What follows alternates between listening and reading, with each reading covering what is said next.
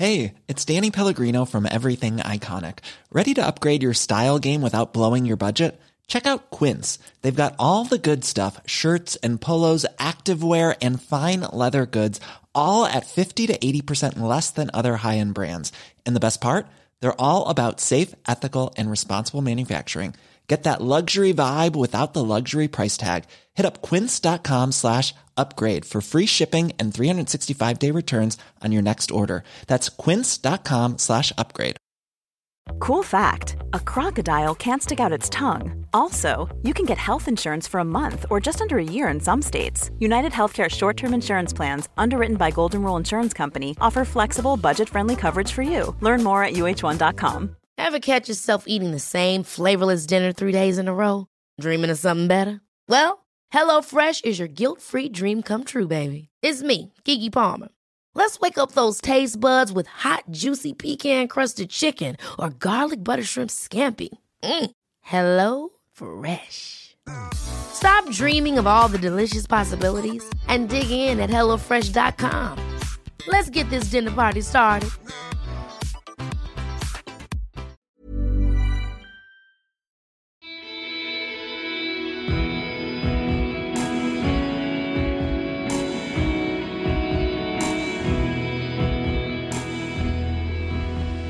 Velkommen til en ny episode av Kaptare podkast. I dag snakker jeg med Liss Johansen Balestrand. Hun er en ultraløper som jeg har hatt lyst til å snakke med lenge, så endelig fikk vi tid til å sette oss ned og slå av en prat på selveste kvinnedagen.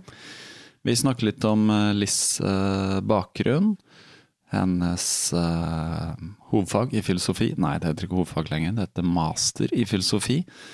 Uh, løpingen og utviklingen, trening og en del løp som hun har gjort, bl.a. Uh, Oslo-Bergen Trail, som hun vant uh, som en trio, kalt Ski Unit. Veldig spennende, hele det løpet der. Ellers ikke så veldig mye annet å nevne. Topo, Athletic, sko, sponser podkasten. Fredrik forteller meg at en hel container står fast i Rotterdam pga. konflikter i Europa. Ikke enkelt uh, nå for tiden, men uh, når vi forhåpentligvis uh, får en forbedring i situasjonen, blir Patrion og få rabatter på to på sko. Nå har jeg løpt rundt en god stund i de. trives med det. raske sko, mengdesko, alt mulig får du. Takk også til Runners World, som sponser podkasten.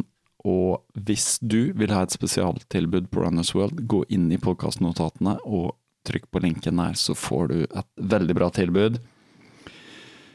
Nå kommer Liss eh, samtale, så får dere ha en fantastisk eh, løpetur. Bare sier jeg velkommen eh, Liss Johansen Balestrand. Takk skal du ha. Og gratulerer med dagen. Tusen takk. Det er uh, Vi spiller inn denne på kvinnedagen, så uh, det var veldig flott at du kunne komme uh, på selveste kvinnedagen. Det er faktisk tilfeldig at vi har avtalt i dag, men Og jeg tenkte faktisk ikke på det engang når vi satt datoen. Men det, det, slo meg i dag, og jeg venta på den gratulasjonen. Ja. Der kom den. ja, jeg holdt på å glemme å gratulere min kone og mine to barn i dag, men det skjedde før de løp av gårde på skolen. så jeg tror jeg må kjøpe noen blomster hjemme og sånn for å gjøre litt ekstra stas. Uh, men veldig gøy at du kunne komme. Det er på tide at jeg får uh, noen damer på podkasten igjen. Uh, jeg måtte trygle og be litt for å få deg hit. Nei, så vanskelig var jeg ikke. Kanskje litt. Nei da, nei da. Nei, men jeg måtte, jeg måtte, måtte be pent, holdt jeg på å si. Jeg følte jeg la et mildt press på deg også. så, så, du får bare ha meg tillit. det er ikke alltid bare bare, bare å, å, få de man vil. Men veldig flott at du kunne komme. Og så Um, ville jeg bare egentlig bare spørre deg litt om bakgrunn, for at jeg kjenner deg jo ikke. Jeg bare kjenner deg gjennom uh, sosiale medier og litt sånn Du kjenner noen som jeg kjenner osv., mm. for du er litt i miljøet. Uh, hører jo at du er fra Nord-Norge, og jeg vet vel at det er Harstad. Jeg kan gjette at det er Harstad. Det er Harstad. Ja, ja. Flink du er. Ja, for, for da jeg ringte deg og inviterte deg, så var du vel i Harstad på vei Ja, jeg sa hjem. det da. Ja. Mm. Står liksom 'Kan jeg ringe deg tilbake?' fordi jeg står med Da holdt jeg på å skulle dra til flyplassen og, Ja. med unger og hund og kofferter og, og ja. Nei, Ja. det var jeg. Det hørtes ut som du var liksom i farta. Så, men Harstad det er vel såpass liten flyplass at du må videre til Nei, eh, Harstad og Narvik deler flyplass. Det heter Evenes. Mhm, Og det, folk flyr også til, eh, til Evenes hvis de skal ned til Lofoten. Ja, nettopp. Så det, Ja. det er en stor flyplass, og det går direktefly både til Oslo, jeg tror det går til. Bergen, og yes. noen ganger til utlandet, Ja, wow. Til utlandet fra Evenes. og til Tromsø. Ja, ja, til Tromsø, selvfølgelig. Eh, nei, men så gøy. Uh, hvor, lenge, hvor lenge bodde du i Harstad før du Jeg flytta vel fra Harstad da jeg var 18, eller kanskje jeg akkurat hadde fylt 19, tror jeg. Hadde du begynt å løpe da, eller? Nei, nei, nei, Nei, nei, ikke i det hele tatt. så hva, hva, hva brakte deg eh, til Oslo, eller? Du flytta hit? Eh, nei, jeg flytta først til Spania, og så var jeg en tur innom England, og et uh, opphold i uh, statene, i Florida. Før jeg flytta til Oslo i 99. Da var jeg vel 2-23 eller noe sånt. Så det er utdannelse, da? I Spania, England Ja. og USA? Mm. Da kan jeg spørre hva du er? Har bakgrunnen Ja, sånn? det var min første utdannelse. Det var, Jeg starta med reiseliv i Spania, og så gikk jeg videre til reiselivsledelse i England, Mhm. med et eh, arbeidsopphold i USA på et hotell. Ah, Og så kom jeg til Oslo, så har jeg jobba litt, og så har jeg tatt eh, filosofi, som er min hovedutdannelse, Okay. Uh, fem år. Og så har jeg tatt en uh, master of management mens jeg har jobba. For det viste seg når man var ferdig med, med filosofi, at det er ikke så veldig mange jobber for filosofer. Nei. Nei, jeg har en filosof i familien, og han skriver litt bøker og, og jobber litt med Human-Etisk Forbund og sånn. Men eh, spørre, da, tok du en master, da? Eller ja, jeg tok en master i ja, filosofi. Det het master den gang, eller var det hovedfag, eller hvordan eh, Jeg begynte på, på grunnfag, Ja, så jeg har liksom det første Og så ble det gjort om til en sånn bachelor underveis, så det er sånn der blanda På den tiden der, ja. Ja. Jeg kom liksom midt i. Skrev du da oppgave om én filosof, eller? Ja, for det ble på en måte en sånn mellomfagsoppgave som jeg skrev Ja. om John Rawls. Ok. Han tror jeg ikke jeg kjenner til. Hvem Nei, han skrev om eh, Det handler om teorier for rettferdighet. Aha. Ja. Hvordan man skal dele kaka for å få Ja. det mest mulig riktig for alle involverte. Ah, skjønner. Som på liksom samfunnsnivå. Mm. På samfunnsnivå, Ja. ja. Mm. Det er jo interessant, så du kan litt om det. Jeg kan litt om det. Ja. Rettferdig fordeling. Rettferdig fordeling, helt riktig. Så da, hvor får man jobb da? Eller hva, hva kan Um, man liksom drive Jeg med? Jeg søkte mange jobber da jeg var ferdig eh, som filosof, og jeg endte da opp med en jobb i Riksrevisjon. Ok. Og det var vel egentlig fordi jeg hadde en femårig utdannelse, og jeg hadde den ledelsesutdannelsen fra før av. Ja. Med ledelse av reiselivsbedrifter, og der var det en del økonomi og regnskap. Ja, nettopp. Så da ble jeg revisor. Wow. Ja, det er liksom, det, er, det føles som et stykke fra filosofi til revisor. Mm, Men, mm, Men man kan tenke mye over hva som er rett og hva som er galt. det er sant, det er sant. Mm. Så Riksrevisjon, det er sånn, jeg følger jo litt med, men det er de som holder litt sånn styring på hvor pengene går i, i departementer og sånn, eller? Ja, eh, Riksrevisjonen er eksternrevisor til eh, staten. Mm. Eh, og man kontrollerer både departementer, direktorat og egentlig underliggende virksomheter. Ja. Eh, og den er todelt, eller jeg har skjønt etter hvert at den endra seg litt etter jeg slutta der. Men uh, når jeg jobba i Riksrevisjonen, så var det en del som gikk på regnskapsrevisjon. Mhm. Der jobba jeg. Eh, da så man både på regnskapene, men også på etterlevelse av lover og regler. Sånn som anskaffelsesregelverket. Ja. Eh, og så har vi en del som eh, er forvaltningsrevisjon. Eh, da er det litt sånn større kontroller av f.eks. i måloppnåelse Mhm. og forsvarlig forvaltning. Ja. Og hvordan står det til i, i Norge sånn uh... Det står egentlig ganske bra til i Ja, staten. det. Ja. Vi er vel uh, regna som et av de samfunn eh, litt sånn i verden som har minst korrupsjon og mest Altså, hva heter det Er ganske transparente på sånne ting. Vi er ganske åpne, men Ja. altså, det er jo stadig områder som, eh, som kan bli bedre. Det, det regner Og vi har jo hatt en del saker på Stortinget i det siste. Ja, vi har det. så, eh, Det er sant. og det viser jo at uh, man kan gjøre feil. mm. Ja. Heldigvis, Ja. på et vis. Heldigvis er det Ja. for å gjøre feil. Ja. Nei, det, det har jo vært en stor politikk, en politisk sak, og det, det gidder vi ikke snakke så mye om her. Uh, mange som har meninger om det og sånn, men uh, ja. Det, man, man tar jo ofte sin hatt og går når man gjør noe galt i, i Norge. Um, eller no, noe galt sånn i gåseøynene, da. Ja, jeg tenker i hvert fall hvis du er folkevalgt, Mm. og kanskje særlig hvis du er folkevalgt for et departement som for øvrig har vært ganske streng med brukerne, Ja. hvis de har gjort feil, Ja, så er det kanskje på sin plass å ta sin hatt. Ja, det det. Uten at jeg skal mene noe om Nei, ikke sant. Jeg, jeg, jeg ser jo at det er vondt, vondt for alle som må gjøre det, fordi de føler vel litt sånn uh, Ja, har man fortjent dette, men eh, det er jo ikke opp til de selv å avgjøre. Men eh, ok, men når eh, Altså, det, er jo litt morsomt, for du sa jo til meg, jeg må nesten eh, røpe, du sa at du var egentlig ikke så interessert i, i løping. Nei, jeg, jeg er ikke så interessert i løping, og jeg regner ikke meg sjøl som en idrettsperson. Nei, ikke sant. Ikke det hele tatt. Og du, du var ikke det eh, oppveksten heller? Sånn spesielt opptatt av Nei, jeg var å ikke trene, opptatt eller Nei, nei, nei. Nei, Jeg, jeg har jo gått litt på dans og noe volleyball og litt sånt, men Mm. Hovedsakelig så var jeg interessert i politikk. Mm. Um, og så spilte jeg skolekorps. -hmm. Og så var jeg da, når jeg ble litt eldre, interessert i å gå på fest. Mm. Det var det. Ja. Men Jeg var eh, veldig glad i skolen. Ja, ok, ok. Ja. Så du var liksom opptatt av fag og teori Mm. og sånne ting? Ja, nettopp. Men uh, et eller annet sted må jo liksom interessen for å løpe og bevege seg Så nå er Altså- jeg veldig spent. Ja, nei, jeg har bestandig gått mye, og så har jeg jo trent litt sånn på treningsstudio innimellom. Uh, men jeg begynte vel å løpe i, uh, i Riksrevisjonen. Mhm. Og da var det en sånn um, intervalltrening en gang i uka, som jeg da ble med på. Og det syntes jeg var veldig artig, og jeg var til tider den eneste jenta.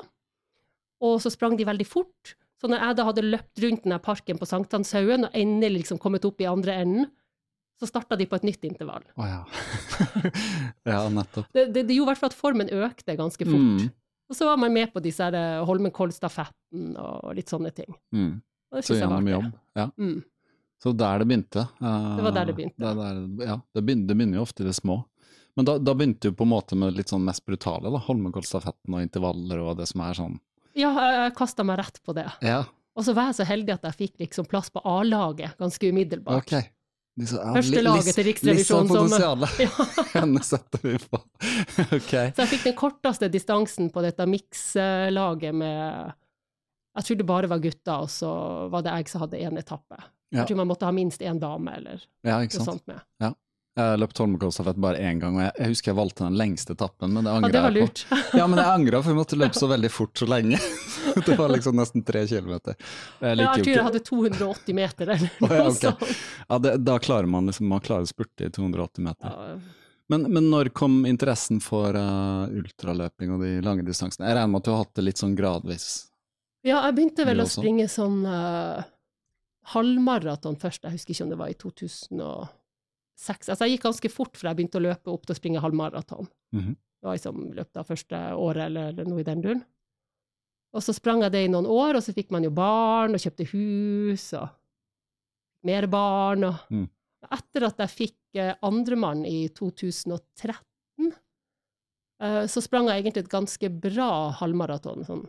Jeg syns sjøl jeg sprang ganske fort. Det gikk ganske greit. Men jeg hadde en opplevelse underveis i uh, Oslo Maraton på at uh, jeg kom liksom, liksom skjevt inn mot en sånn drikkestasjon. Og så kom det en fyr imot meg som da var tydeligvis litt misfornøyd med at jeg eh, Jeg vet ikke.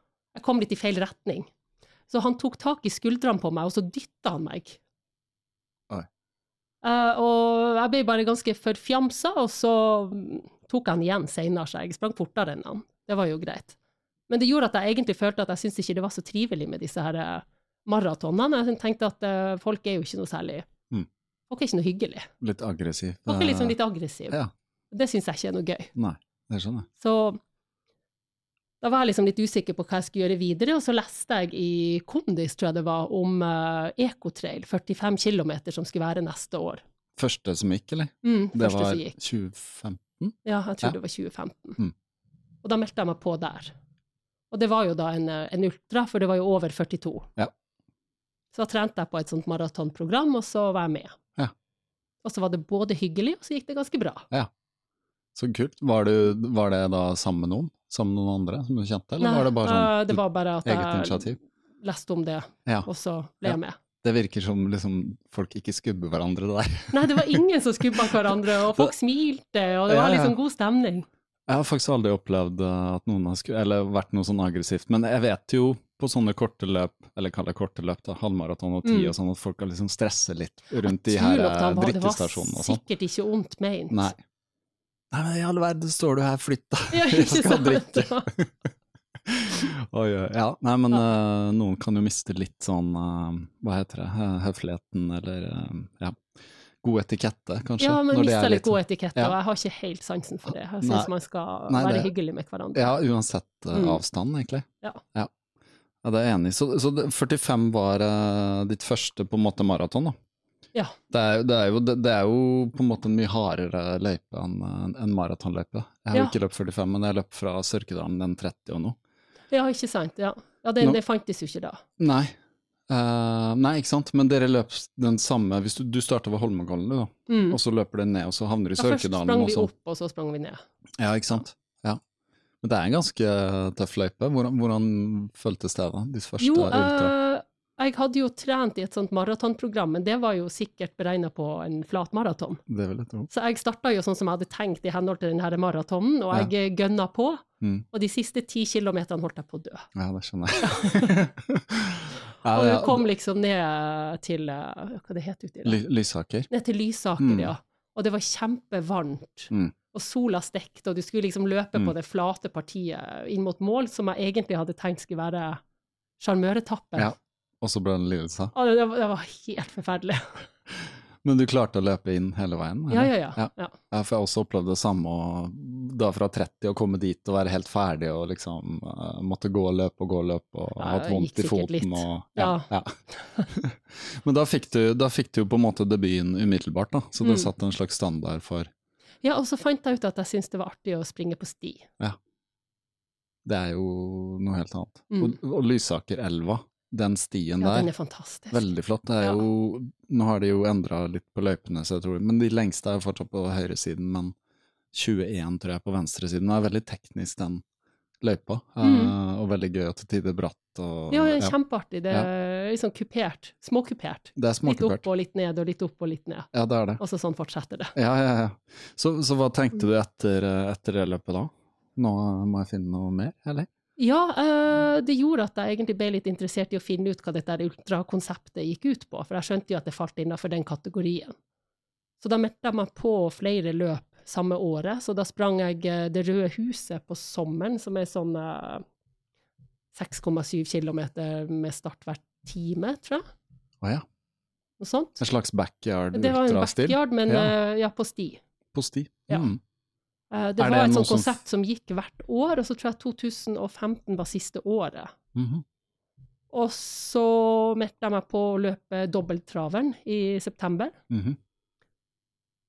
Og så Champagne Ultra, tror jeg, eh, samme året i, i desember. 50 km i Romeriks, ut på Romerike der, en sånn Ja, ja. løype. Ja.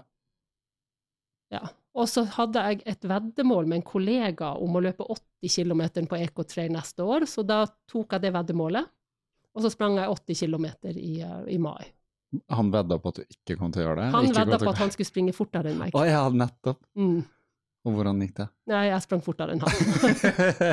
ja, det er bra. Mm. Så da hva, kan jeg spørre hvor mye som ble vedda om, eller var det symbolsk? Jeg tror det var symbolsk. Det Ja. var egentlig bare en liten sånn eh, ære og berømmelse, Ja, ja, antagelig. ja. Ja, Hvordan eh, oppførte han seg etterpå, da? Jo da, han, eh, han anerkjente at jeg var bedre. Ja.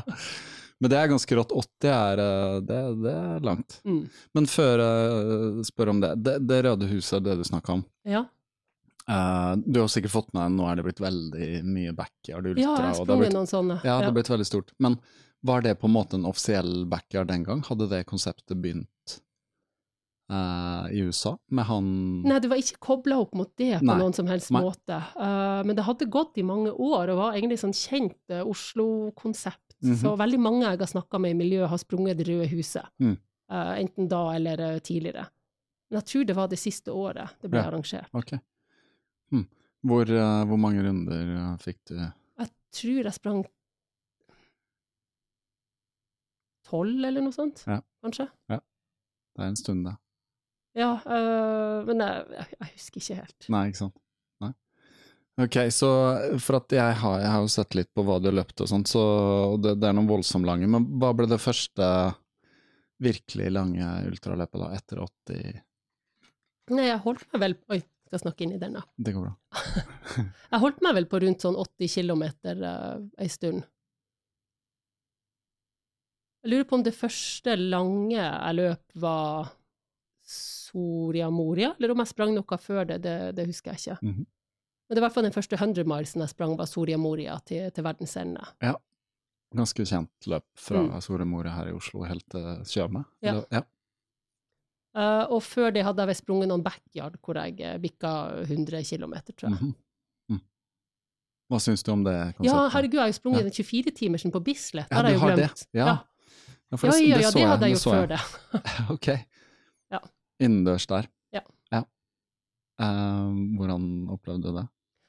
Det er jo mest tøft sånn Ja, altså, jeg møtte opp første gangen, og så Da hadde jeg Sondre som eh, så løpetrener. Vet du hva, jeg leste bare avbryte der, jeg leste at du vant en coaching Jeg vant en coaching, ja. gjennom Ecotrail uh, som Ja. lodda ut eller noe. Mm. Og da hadde jeg eh, trening med Sondre en stund, og så fortsatte jeg også med han som trener en periode. Mhm. Sondre Amdal, som er kjent, eh, Ja, Sondre Amdal. veldig kjent eh, løpcoach. Ja, så da la han opp et opplegg til meg, og jeg tror verken jeg eller han eh, tenkte så mye over hva jeg kunne løpe på den 24-timersen, men det var, jeg hadde i hvert fall et mål om 160. Mhm. 100 miles. Ja. Ja, Og det gikk jo veldig mye bedre. Så jeg var jo ferdig med 160 etter eh, ikke, 18 timer eller Mm. 19 timer eller noe sånt. Og da gikk jeg jo bare den Mm. siste biten. Mm. Så da økte jeg målet til å være 180, og så nådde jeg 180, og så tror jeg jeg kom på 193 km eller noe sånt. Mm. Uten å ha sprunget i det hele tatt, tror jeg, de, eh, de siste seks timene eller fem Mm. timene, eller eh, Man kan gå ganske langt på seks timer. Man kan gå ganske langt. ja, ja. Og så hadde jeg på en måte nådd målet mitt. Jeg var liksom langt over det jeg skulle oppnå, så det. Motivasjonen var liksom ikke helt på topp. Nei, ikke sant. Hvordan har du trent den gang fram mot dette, da? Mye, mye, mye løping? Mye distanse? Ja, jeg tror jeg hadde en del distanse. Altså det, det jeg husker best, var at jeg hadde noen sånne eh, 50 km noen dager på rad Mhm. i oppkant. Det, det husker jeg. Og så hadde jeg en sånn kombinasjon av korte løp og lange løp, og jeg tror Sondre begynte å tvinge meg til å springe noen sånne eh, intervaller, men litt sånne lange intervaller. og mm. terskeløkt, eller hva det heter. ja. Mm. Så, men uh, du må ha likt det siden du hyrte han inn etter å ha hatt uh, etter å ha vunnet coaching Ja, jeg fikk jo på en måte pressa meg, og en del av det som jeg da sprang, hang jo så Det blir jo en del sånne økter som jeg ikke gidder å trene hvis jeg eh, legger opp treningsprogrammet sjøl. Mhm. Jeg er Ja, ja. egentlig ganske lat. Ja. du liker å løpe langt og rolig og Ja. Jeg, jeg liker å springe for å meditere. Ja, jeg jeg eh, tenker gjennom problemer eller utfordringer eller uh, irritasjonsmomenter, og så Mm. jobber jeg meg på en måte gjennom det mens jeg springer. mm. Da, kan jo, altså, da blir det jo ikke så effektiv springing. Nei, det blir ikke det. Mm. Det er noe annet når du aktiverer kroppen i et hardere Mm. Du filosoferer ikke over ting på samme måten da. Nei, Man har ikke kapasitet til det. Nei, man har fordi- ikke mental kapasitet Nei, til man har ikke det. Man må bare fokusere på det man gjør. Mm. Så det er, ja, så, så det er litt sånn der ultraløpingen kom da, inn. At du liksom fant ut at jeg kan løpe og tenke og Det er nok der det kom inn, det med å i hvert fall fortsette med det. mm, Til å begynne med så var jeg liksom ganske strikt på, på treningsprogram og mm, skulle løpe så og så mye og skulle løpe sånn og sånn og skulle fordele uka på visse måter. ja.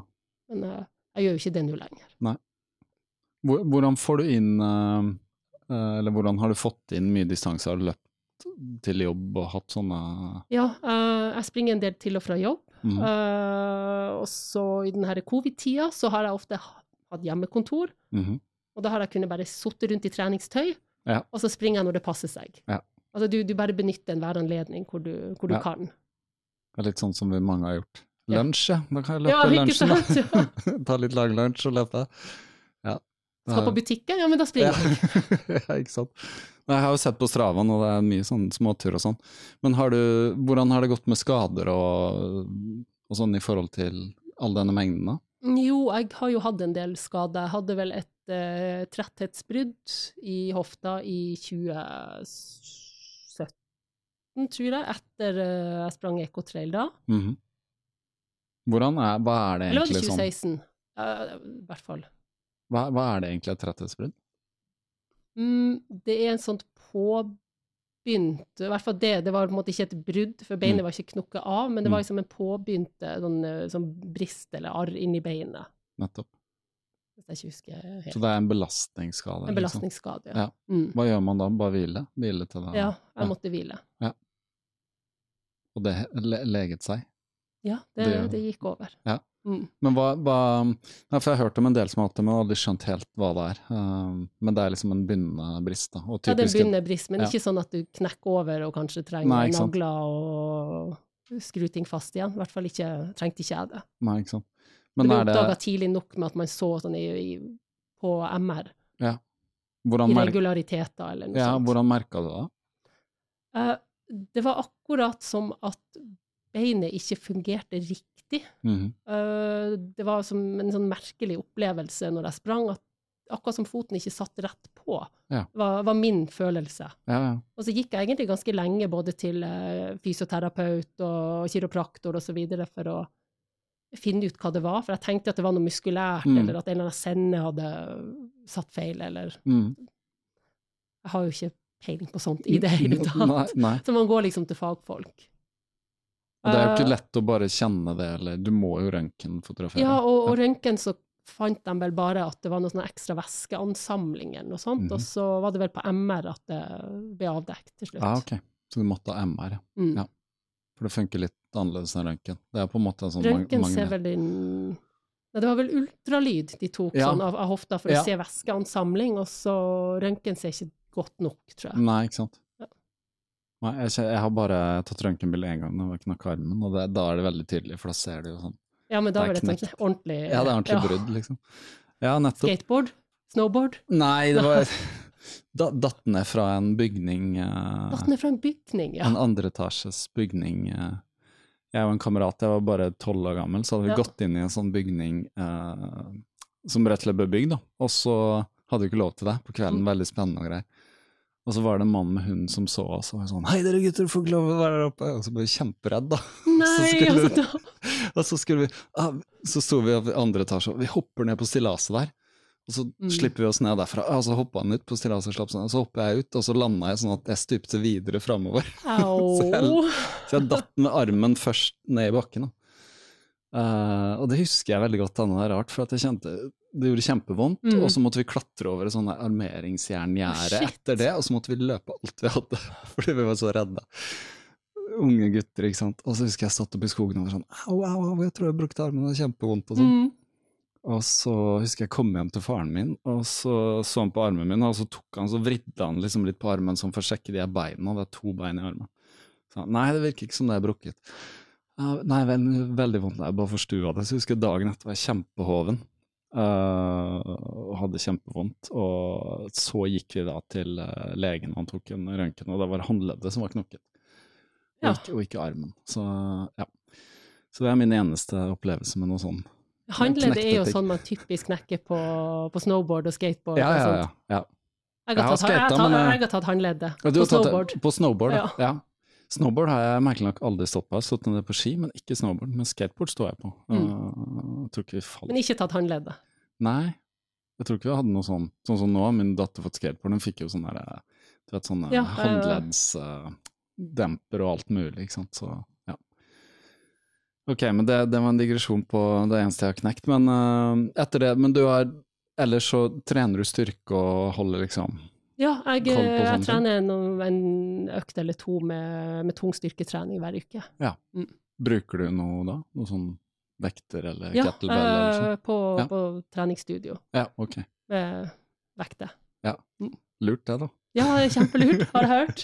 Altså, jeg er jo en voksen dame, og jeg tenker jo at Ja. eh, muskelmassen forsvinner jo ganske mye etter hvert som man blir eldre. Den, den gjør det. Eller Mm. i hvert fall uh, forsvinner ikke sånn voldsomt fort ennå, men det, tar vel litt, det er litt mer jobb å holde ved like og Med bygge på å holde sånn. ved like, men på kvinner forsvinner den fortere. Ja, kanskje den gjør det. Mm. Ja.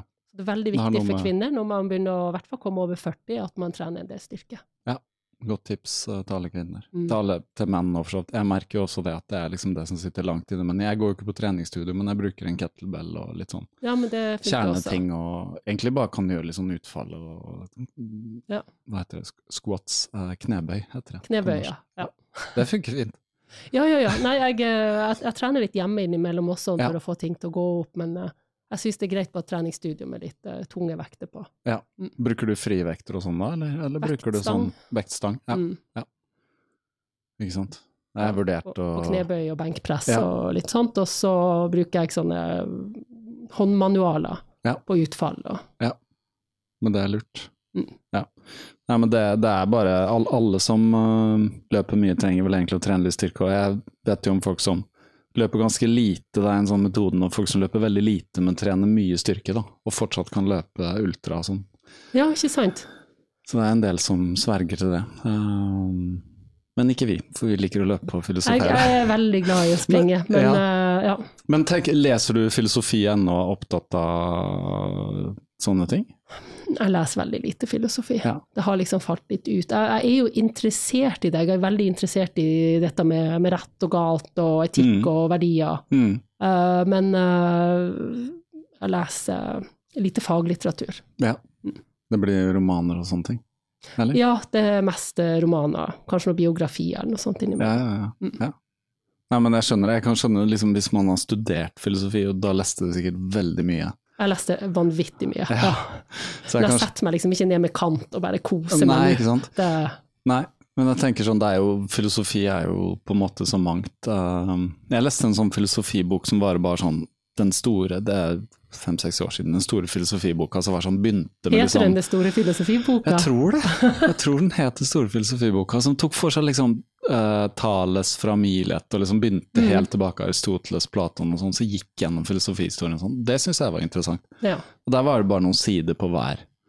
Men så vet du jo, ikke sant, så har jeg tatt forberedende på universitetet, og sånn, så vi hadde jo litt sånn Ja, ja, vitenskapsfilosofi og Kant Mm. og Descartes og ja, litt sånne ting. De store.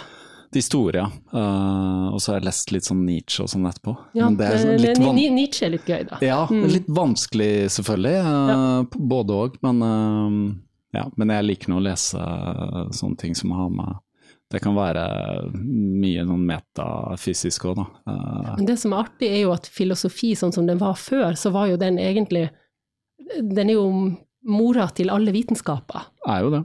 Så nesten uansett hva slags andre vitenskaper man, man holder på med, så har det på en måte en slags kobling til filosofien. Mm. Så jeg, eh, i tillegg til etikk, som jeg leste en del, så leste jeg på master mye opp mot eh, bevissthetsfilosofi. Mm. Og det er det mange koblinger til det, det man lærer på psykologi, blant Mm. annet eh, antropologi, eksempel. Mm. Altså, det er veldig mange ulike koblinger, mens på andre deler av eh, filosofien så er det koblinger mot, ja, mot andre vitenskaper. Ja. Det er jo derfor, uh, ikke sant, jeg studerte ikke så lenge som deg, men jeg studerte litt, og det er derfor man må ta det som het X-fil, jeg vet ikke om det heter X-fil lenger, ikke sant, Nei, ja, jeg vet ikke, om jeg tok også X-fil. Ja, ikke sant. X-fil og X-fac. Det måtte man, Mm. for man måtte lære seg hva er det, og Ja. liksom, hva er vitenskap, da, hvor kommer det fra, og hvorfor, hvorfor bruke metoder som vi bruker og sånn. Mm.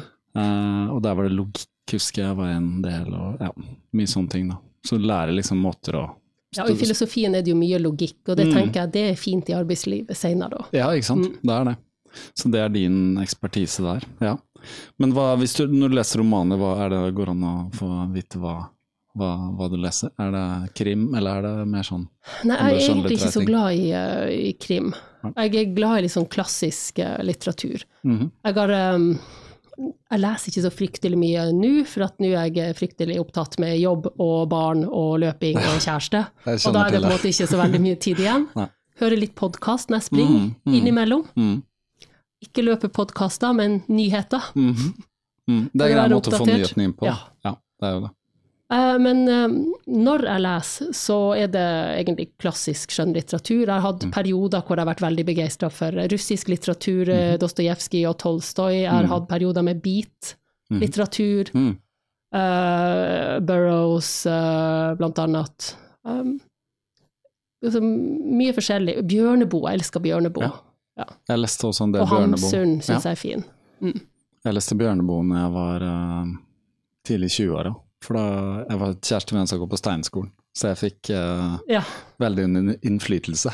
ja. Nei, si jeg, jeg leste det mye på, på videregående. Vi hadde sånn fordypning, husker jeg, i, eh, i norsk, hvor jeg hadde om bestialitetens historie, Mm. som jeg var veldig interessert i da. Mm. Ja, interessant. Det er en, av, ja, det er en sånn trilogi. Eller, En teologi Ja. egentlig om menneskets ondskap. Jeg har vel lest bare kanskje den første der, Mm. om en som er sånn rettstjener i en sånn dal. Ja, de, det, ja. det stemmer. Mm. ja, han var jo han var veldig opptatt av ja, eh, de tingene der. Mm. Han var det. Liksom ondskap og hva er rett og ja. Ja, og det, det går egentlig inn i dette her som jeg har interessert meg for i, i Mm. filosofien. Altså det, hva, hva er det menneskelige, og hva er det som, Mm. som gjør oss til et menneske? ja. Er det noe svar Fordi, der? Hva er svaret? Hva er det som gjør oss Nei, vanskelig? altså det, det som gjør oss til et menneske, altså tanken rundt det er jo gjerne den, det vi kaller en sånn uh, andreordenstenkning. Mm. Uh, mens man som i et sånn dyreperspektiv, så handler du. Mm. Eh, Du kan tenke på at noe er vondt eller godt, eller uh, Men som menneske så kan du, for det om du kanskje er fullstendig styrt av uh, enkle impulser, så kan du tenke over Mm. hva du allikevel har gjort. Mm. Så klarer du kanskje ikke alltid å handle i henhold til dine beste intensjoner, men du kan i hvert fall ta stilling til dine egne handlinger og vurdere dem som, som gode eller om. Mm. Rett eller gal. Det er det som gjør oss menneskelige. Mm. Det, det gjør de ikke. Dyr De tenker ikke over godt eller ondt på den måten. Nei, de handler, de gjør. Men så kommer det Og de også kan jo lære, Ja, ja. men uh, ikke godt og ondt, på en måte, rett og Mm. galt. Mm. Men så, kom, så, så er det også interessant, fordi de tinga der er, eh, kommer an på liksom standpunkt, da, og hvor du ser ting fra. Mm.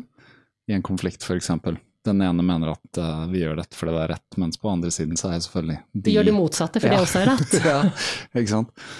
Og der, eh, og der springer det ut, så Nei, men uh, enkle ting kan vi kanskje si at det er litt sånn universelle, da. Hva vi oppfatter å være gode, eller ikke sant, gjøre Noen noen ting kan godt, være eller universelle, eh, og mange ganger så kan man jo se i diskusjoner at verdien som ligger bak, kan være lik. mm, Men argumentasjonen som går inn mot den handlinga som utøves, kan være ulik. mm. Men at man kan begrunne det i det samme. Ja. Ja. Eh, Da må man jo prøve å plukke fra hverandre de ulike argumentene. Ja, ikke sant. Nei, men det, det er kjempeinteressant. Uh, hvis du skulle tipsa om liksom, en filosof eller noe man kan lese for å sette seg litt mer inn i det her, har du Er det liksom én, er det, eller en retning, eller er det noen Nei, altså Jeg tenker at det er interessert i, i statsvitenskap og, og rettferdighet, så er John Rawls en god Mm. filosof. Hvordan s- skriver du etternavnet hans? Det er John med H-M? R-A-W-L-S. Rawls. R-W-L-E-S. John Walls. Ja, ikke E. Ja. Ikke E. Mm. uten det. Og han uh, Og så syns jeg jo kirkegård er fin, men det, Ja. de er ganske tung. Kirkegård, som du sier. Ja, og så blir det jo på sånn gammel norsk, så Ja. de kan være litt tung å lese. Kierkegaard. Jeg har lest en eh, Begynte i hvert fall på en biografi om Mm. Kirkegård. Ja. Så Eh, jeg, jeg syns det kan være interessante bøker. Ja. Så Er det er jo mange nyere filosofer også som kan være interessante å lese. Men Mm. eh, ja, jeg kom ikke på noe akkurat nå. nei, ikke sant. Mm. Er du opptatt av andre retninger enn vitenskap, sånn fysikk eller kvantefysikk eller sånne ting? Nei, Nei, ikke. nei, ikke. nei. Det trenger jeg ikke snakke om det. Ja. altså, jeg er interessert i, i samfunn og Mm. jeg samfunnsvitenskap, statsvitenskap, offentlig politikk, sikkerhetspolitikk Mm. Ja. og etikk. Si- Sikkerhetspolitikk er jo litt aktuelt nå for tiden. Ja, det, det er veldig aktuelt. Det er veldig aktuelt. Ja. Mm. Så hva, hvordan er det å jobbe Nå er, nå er du liksom i Forsvarsdepartementet.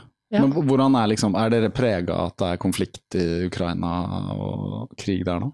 Ja, Ja, absolutt. ja, Ja, Hva, hva, hva, hva tenker dere om det, eller hva det, er, det er liksom Ja, det er ganske ensidig hvordan vi tenker om det, føler jeg sånn uh, Jeg tenker jo at man i departementet har et ganske nyansert bilde av, eh, av konflikten og ser den fra, fra ulike perspektiver. mm, Uh, og det er jo noe av det som er kjernen i statsapparatet er jo at vi skal eh, måtte se på ulike saksforhold, se det fra ulike sider, og så kunne legge det fram for øverste ledelse eller eh, Mm. politikerne på en Mm. god måte. Mm.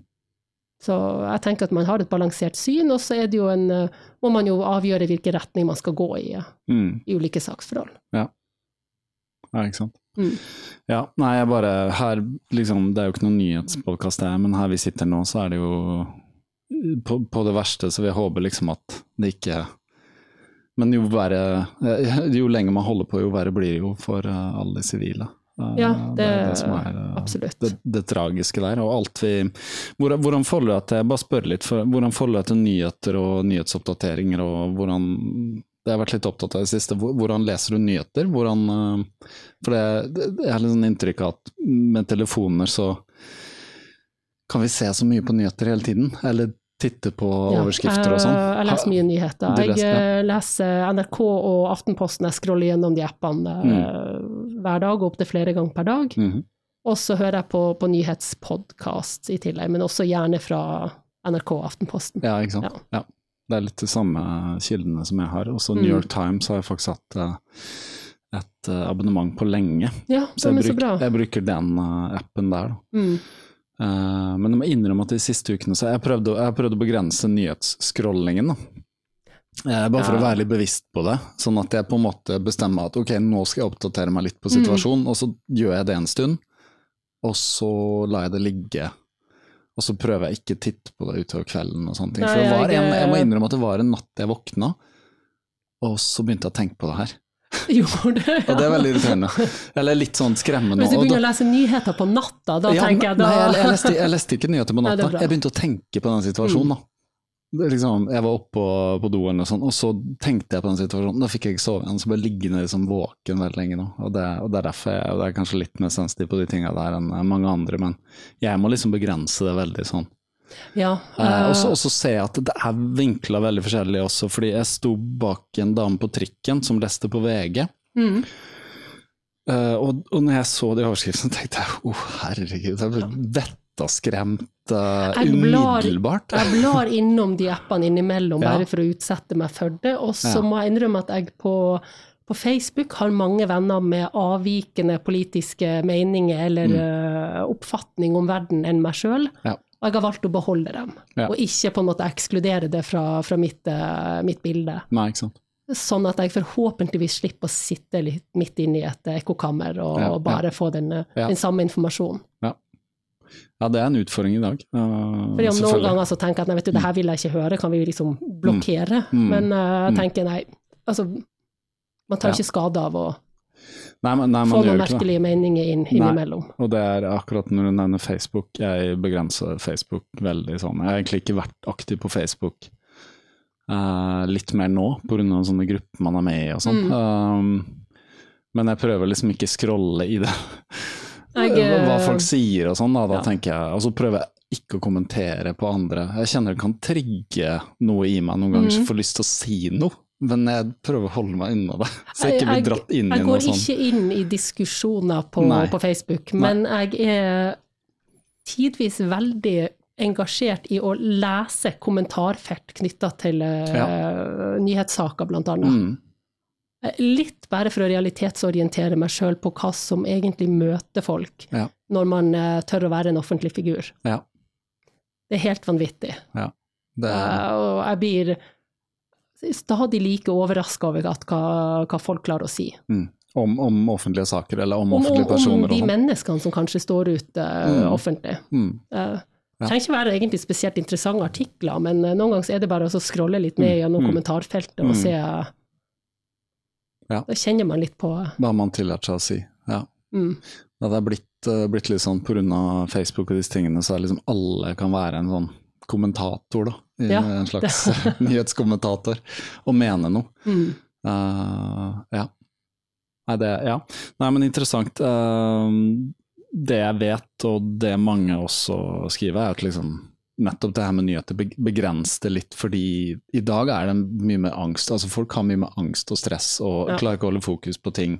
Fordi at vi har så veldig mye For mye informasjon. Vi har for mye Ja. informasjon og for mye ting vi kan sjekke hele tiden. Um, og særlig med frykt.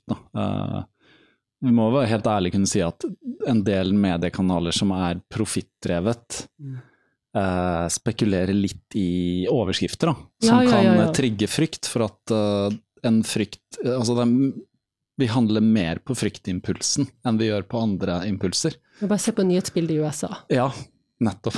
Sant? Og det er vel bare New York Times jeg leser her, men du ser jo, ikke sant, vi får jo vite uh, Jeg bodde et halvt år der, jeg var ganske overraska over det, det nyhetsbildet. Det er veldig drevet på, på saker som får altså clickbaits, Ja, ja. rett og slett. Rett og slett. Mm. Og ja, ikke sant, og der er det ekstremt polarisert, så håper vi ikke kommer dit. Men øh, nei, jeg bare tenker på ja, ikke sant, de, de store nyhetshusene, VG, Dagbladet, som jeg ser på en måte jeg, Noen ganger så må jeg sjekke så en overskrift her, så må jeg sjekke på en annen litt mer sånn Ja. litt mer konservativ nyhet. Skriver de det samme, liksom? Mm. Altså de kan skrive om det samme, men på en annen måte, da, så du får liksom et annet Ja. bilde av det. ikke sant? Så det er Jeg tenker sånn det kan være lurt også å lese litt forskjellig noen Ja, ganger, eh, om samme sak. Nei, vi, vi lar det ligge litt, men Mm. uh, vi får bare jeg, jeg har i hvert fall et tips om at la det ligge sånn at man må ikke sjekke det hver time. For at det er blitt Nei, litt sånn nei nå. det, det blir litt dumt. Men jeg, jeg, jeg leser nyheter på morgenen før Ja, jeg drar på jobb, gjerne. Og Ja. så kan jeg høre, hvis jeg springer til jobb, så hører jeg på de uh, siste podkastene eller noe Ja. sånt på, for å få oppdatere meg litt. Ja. Og det går jo gjerne litt dypere enn det jeg kanskje har scrolla gjennom på, på nyhetsbildet. Jeg har, eh, jeg har Morgenbladet, og der eh, får man ikke det siste. Det. Men de Mm. har dypere, så jeg, jeg faktisk, der kan jeg lese med hvilepuls, da. Ja, Eller sånn. Eller, altså, du kommer mye mer inn, og særlig litt mer sånn eh, De store linjene får jeg lyst til å vite litt om, for jeg tenker sånn? Akkurat det som skjer der og da er jo veldig tragisk, om noen bilder og sivile som er drept og på flukt. og det, det skjønner man sånn rent empatisk, men noen ganger får jeg behov for å vite sånn For alle lurer på hvordan kommer det til å gå og sånn, ikke sant? hva kommer til å skje og sånn, og da kan du jo forstå litt mer hva som kommer til å skje, men forstå hva som har skjedd før. For at liksom, historien er jo sånn Ja, det, men det går jo ofte sin gang. det går ofte sin gang. Ja, Nå nå er vi jo i Nato, og Ja. Nato skal jo være med på å beskytte Ja. de medlemslandene som er, så jeg tenker at vi har jo en god trygghet i Vi det. har, vi har det Mm. også, samtidig som vi er liksom alle sånn redde for uh, store, den store bomben, da, for å si det sånn. Ja, da uh, hjelper det ikke å være med noe sted. Nei, det gjør ikke det. Men jeg velger å tro Mm. at det, det er liksom ja, nei, det, det, jeg tror ikke det vil skje hvis jeg har gått helt dit. eh, Fordi det er liksom, de, vi er så knytta sammen i dag i hele verden at det blir ja, det, det, er, det er nesten ikke mulig å gjøre noe mot send noen du- andre lenger uten å gjøre det mot seg selv. Uh, Altså, og helt Indirekte. hypotetisk, hvis noen skulle sende ei sånn bombe, hvorfor Ja. skulle de sende den på Norge? ja, ikke sant. Av, av alle mulige Ja. land du skal treffe. ja, ja, ja, ikke sant. Vi, vi er jo ganske sånn, vi har jo Russland som nabo, så vi er jo opptatt av egentlig, som jeg har forstått, å ha et ganske greit forhold, Mm. siden vi deler kystlinje, eller en skillelinje i havet og, og faktisk eh, ja, i Nord-Norge også. Ja, man har jo mange felles tjenester oppe i nord. Ja, ikke sant. Mm. Ja. Nei, men ok, tilbake til løping. Tilbake til løping, ja. en liten digresjon. Eh, du har uh, stadig økt, da. Uh, et, et par løp som du faktisk har nevnt her. eh, du har løpt uh, Soria Moria til verdens ende, og faktisk vunnet. Ja, ja jeg vant. Ja, Ja. Det var litt artig. Det er artig. det er jo Var det første gang du var med, eller Det var første gang jeg sprang eh, Soria Moria, ja. så, så vant du? Mm. Ja. Hvordan, uh, hvordan takler man en sånn langt løp, sett fra ditt uh... Det var vel egentlig bare å, å springe. Det som jeg husker jeg hadde øvd en del på i forkant, da var jo det med å finne fram. Det er jo ikke et merka løp. Nei. Og det var første gangen jeg deltok på et løp hvor jeg var nødt til å orientere meg sjøl. Mm. Og er det noe jeg ikke har så mye av, så er det en god orienteringsevne, så det husker jeg stressa meg mye. Jeg drev og sprang med den GPS-en i handa og var veldig fokusert. Ja, nettopp. Ja. Du, bruk, du brukte et kart, eller hadde en, eh, Sånn GPS, ja. sånn, ja, en tracker? ja, en liksom? tracker. Mm. Eh, og så var det vel egentlig bare å springe, og når du er sliten, så springer du litt til, og så tar du til deg noe næring når du Mm. klarer, og så fortsetter du å springe. Mm. Og så går du når du må gå, og så prøver du å springe igjen, Mm. egentlig. Det, Har, har du noen sånne teknikker for hvordan For det er ofte Det handler jo om mentale eh, og Nei, nå er jeg sliten, nå må jeg gi meg, eller liksom Sånne ting skjer jo. Ja. På et så langt løp, 24 timer, eller jeg vet ikke hvor lang tid man nei, altså, jeg blir veldig fokusert på å komme fram. Ja. Jeg er veldig, veldig målretta Ja. som person, så jeg får veldig sånn fokus på å rett og slett komme i mål. Mm. Jeg går jo gjennom dette her eh, Nå er det jo bare å slappe av. eh, Det er langt igjen, det er Mm. bare å gå, eller nå ligger du ganske greit an, det er ikke noe vits å springe, du kan gå litt nå. Mm. Så må man egentlig bare jobbe med det for å klare å, å fortsette. Mm. Eh, men det med å gi seg har egentlig ikke vært en, et alternativ. Jeg brøyt på Bislett en gang, men det heter jo ikke å bryte, for det er jo Ja. Man kan bare avslutte når Ja, som man kan hoppe av. Ja. Ja. Ja, Men, eh, men eh, ja, uh, Soria Moria verdens ende, er det, det er jo ganske teknisk løp også? Sånn, Nei, jeg vil si det var ganske, ganske lett terreng. Altså, det er noen partier som kanskje er litt teknisk, men uh, det er mye flate partier og mye si, landevei. og Ok, ja. Det var noen partier inn mot Drammen som jeg mener var asfalt også. ja, det kan det være. Ja. For det er kanskje ikke så mye Mm. men, eh, men når du trener sånn løp, løper du mest på sti da, eller? Er det, Jeg liker best å løpe på sti, så jeg gjør egentlig mest av det. Men nå har det vært litt spesielt i vinter. I vinter har jeg ikke sprunget noe særlig i marka. Men jeg har gått på ski, da. Ja. Mm. Men uh, ellers så springer jeg jo hele året i, i skogen. Men i år har det vært, det har vært ganske is, isete siden ja, men det er bare å ta på piggsko. Ja. Ja. Du gjør det, og det Mm. funker fint, eller? Ja, ja, ja. Ja. ja. Jeg ennå ikke, ennå ikke, jeg snakker om det, ennå ikke løpt med piggsko, men jeg ser at det er noen sånne tre på, sånn slags kjetting Ja, som er kommet Ja, jeg har sånne, det syns jeg funker veldig Ja, de funker? godt. Ja. Ja. Tror kanskje det er et alternativ, å bruke Ja, på for når det er løpsko. veldig isete på sti, så Ja. syns jeg de funker mye bedre Mm. enn de vanlige piggskoene. Da, Mm. da sklir jeg likevel. Ja, ikke sant. Ja. Men uh, Moria til verdens ende, har du, du har løpt det flere ganger òg, eller? Uh, nei, kun én gang som løp, og så Ja. hadde vi en sånn sosial greie sammen med Therese og Magnus og Ja. Henriette og Ja. ja. Jeanette. Ja. Hvor dere tok det bare som en tur. Det var sånn, sånn jentetur og Magnus. Ja. Ja. jentetur og Magnus, det var under uh, koronaen, eller tidlig? Ja, helt i begynnelsen på korona, for vi løp i, i begynnelsen av mai Mm. 2020. For det ble vel avlyst det året? Nei, jeg. Nei, det ble- jeg tror det ble, men det Ja, gikk i juni. Ja, Ja. nettopp. Ja, for det var kanskje åpna litt på den sommeren her. Gå, gå litt sånn i ett hele den perioden her, hva løp som gikk eller ikke. Ja, ja, helt merkelig. Ja, ikke sant. Uh, hva med Du har også løpt et som heter Vestfold Mm. Historic Ultra Trail. Og der leste jeg faktisk du har skrevet en sånn race eh, report eh, for eh, Kondis, tror jeg det var. Ja, det, det kan hende. Og det virka litt mer teknisk og krevende. Ja, det var sykt teknisk, syns jeg. Ja. Jeg kan prøve å linke til den. Uh, Ja.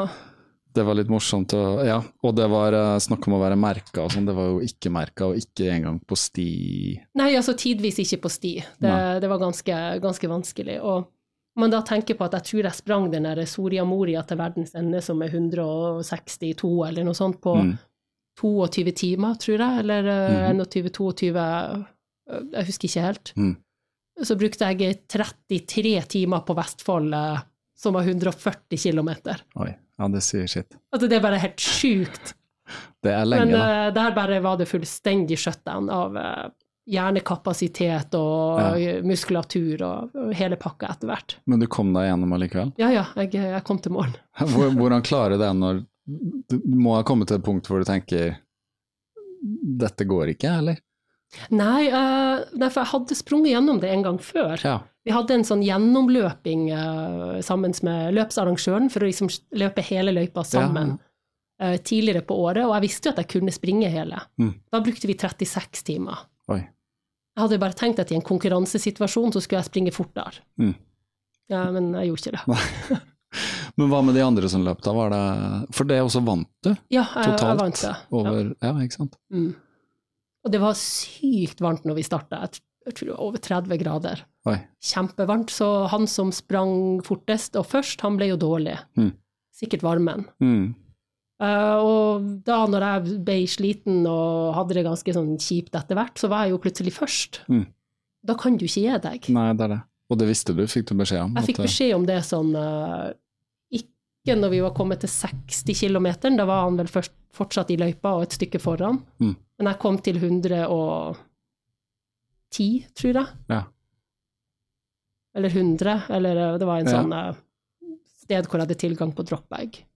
Ja, for det, hvor, hvordan gjør dere det? Eller hvordan funka Jeg fikk tilgang på bag eh, to ganger underveis, og så Mm. fyller du vann i bekka og Ja. sånt. Og hva hadde du i dropbagene da? Eller hva, hvordan Alt det? mulig rart. og Fullstendig ja. pakka lapskaus i sånne her matcontainere, og jeg hadde kaffe, og jeg hadde brus, og jeg hadde frukt, og jeg hadde godteri, og det var Alt, alt som du tenkte du kunne få lyst på? skiftetøy og Ja. men, men fikk du bruk for mm, Jeg spiste veldig lite av det som var i den bagen. Mm. Men jeg, jeg bytta jo ut det jeg hadde av eh, mat, med, Ja. med ny og fersk mat. Ja, ikke sant? Men den er ikke så fersk, for den ligger jo i bagen. Ja, ja. Men den er i hvert fall ikke squasha sammen i en vest. Nei, ikke sant. Så, og så skifter jeg fra innerst til ytterst. For det blir jo Ja, ikke sant.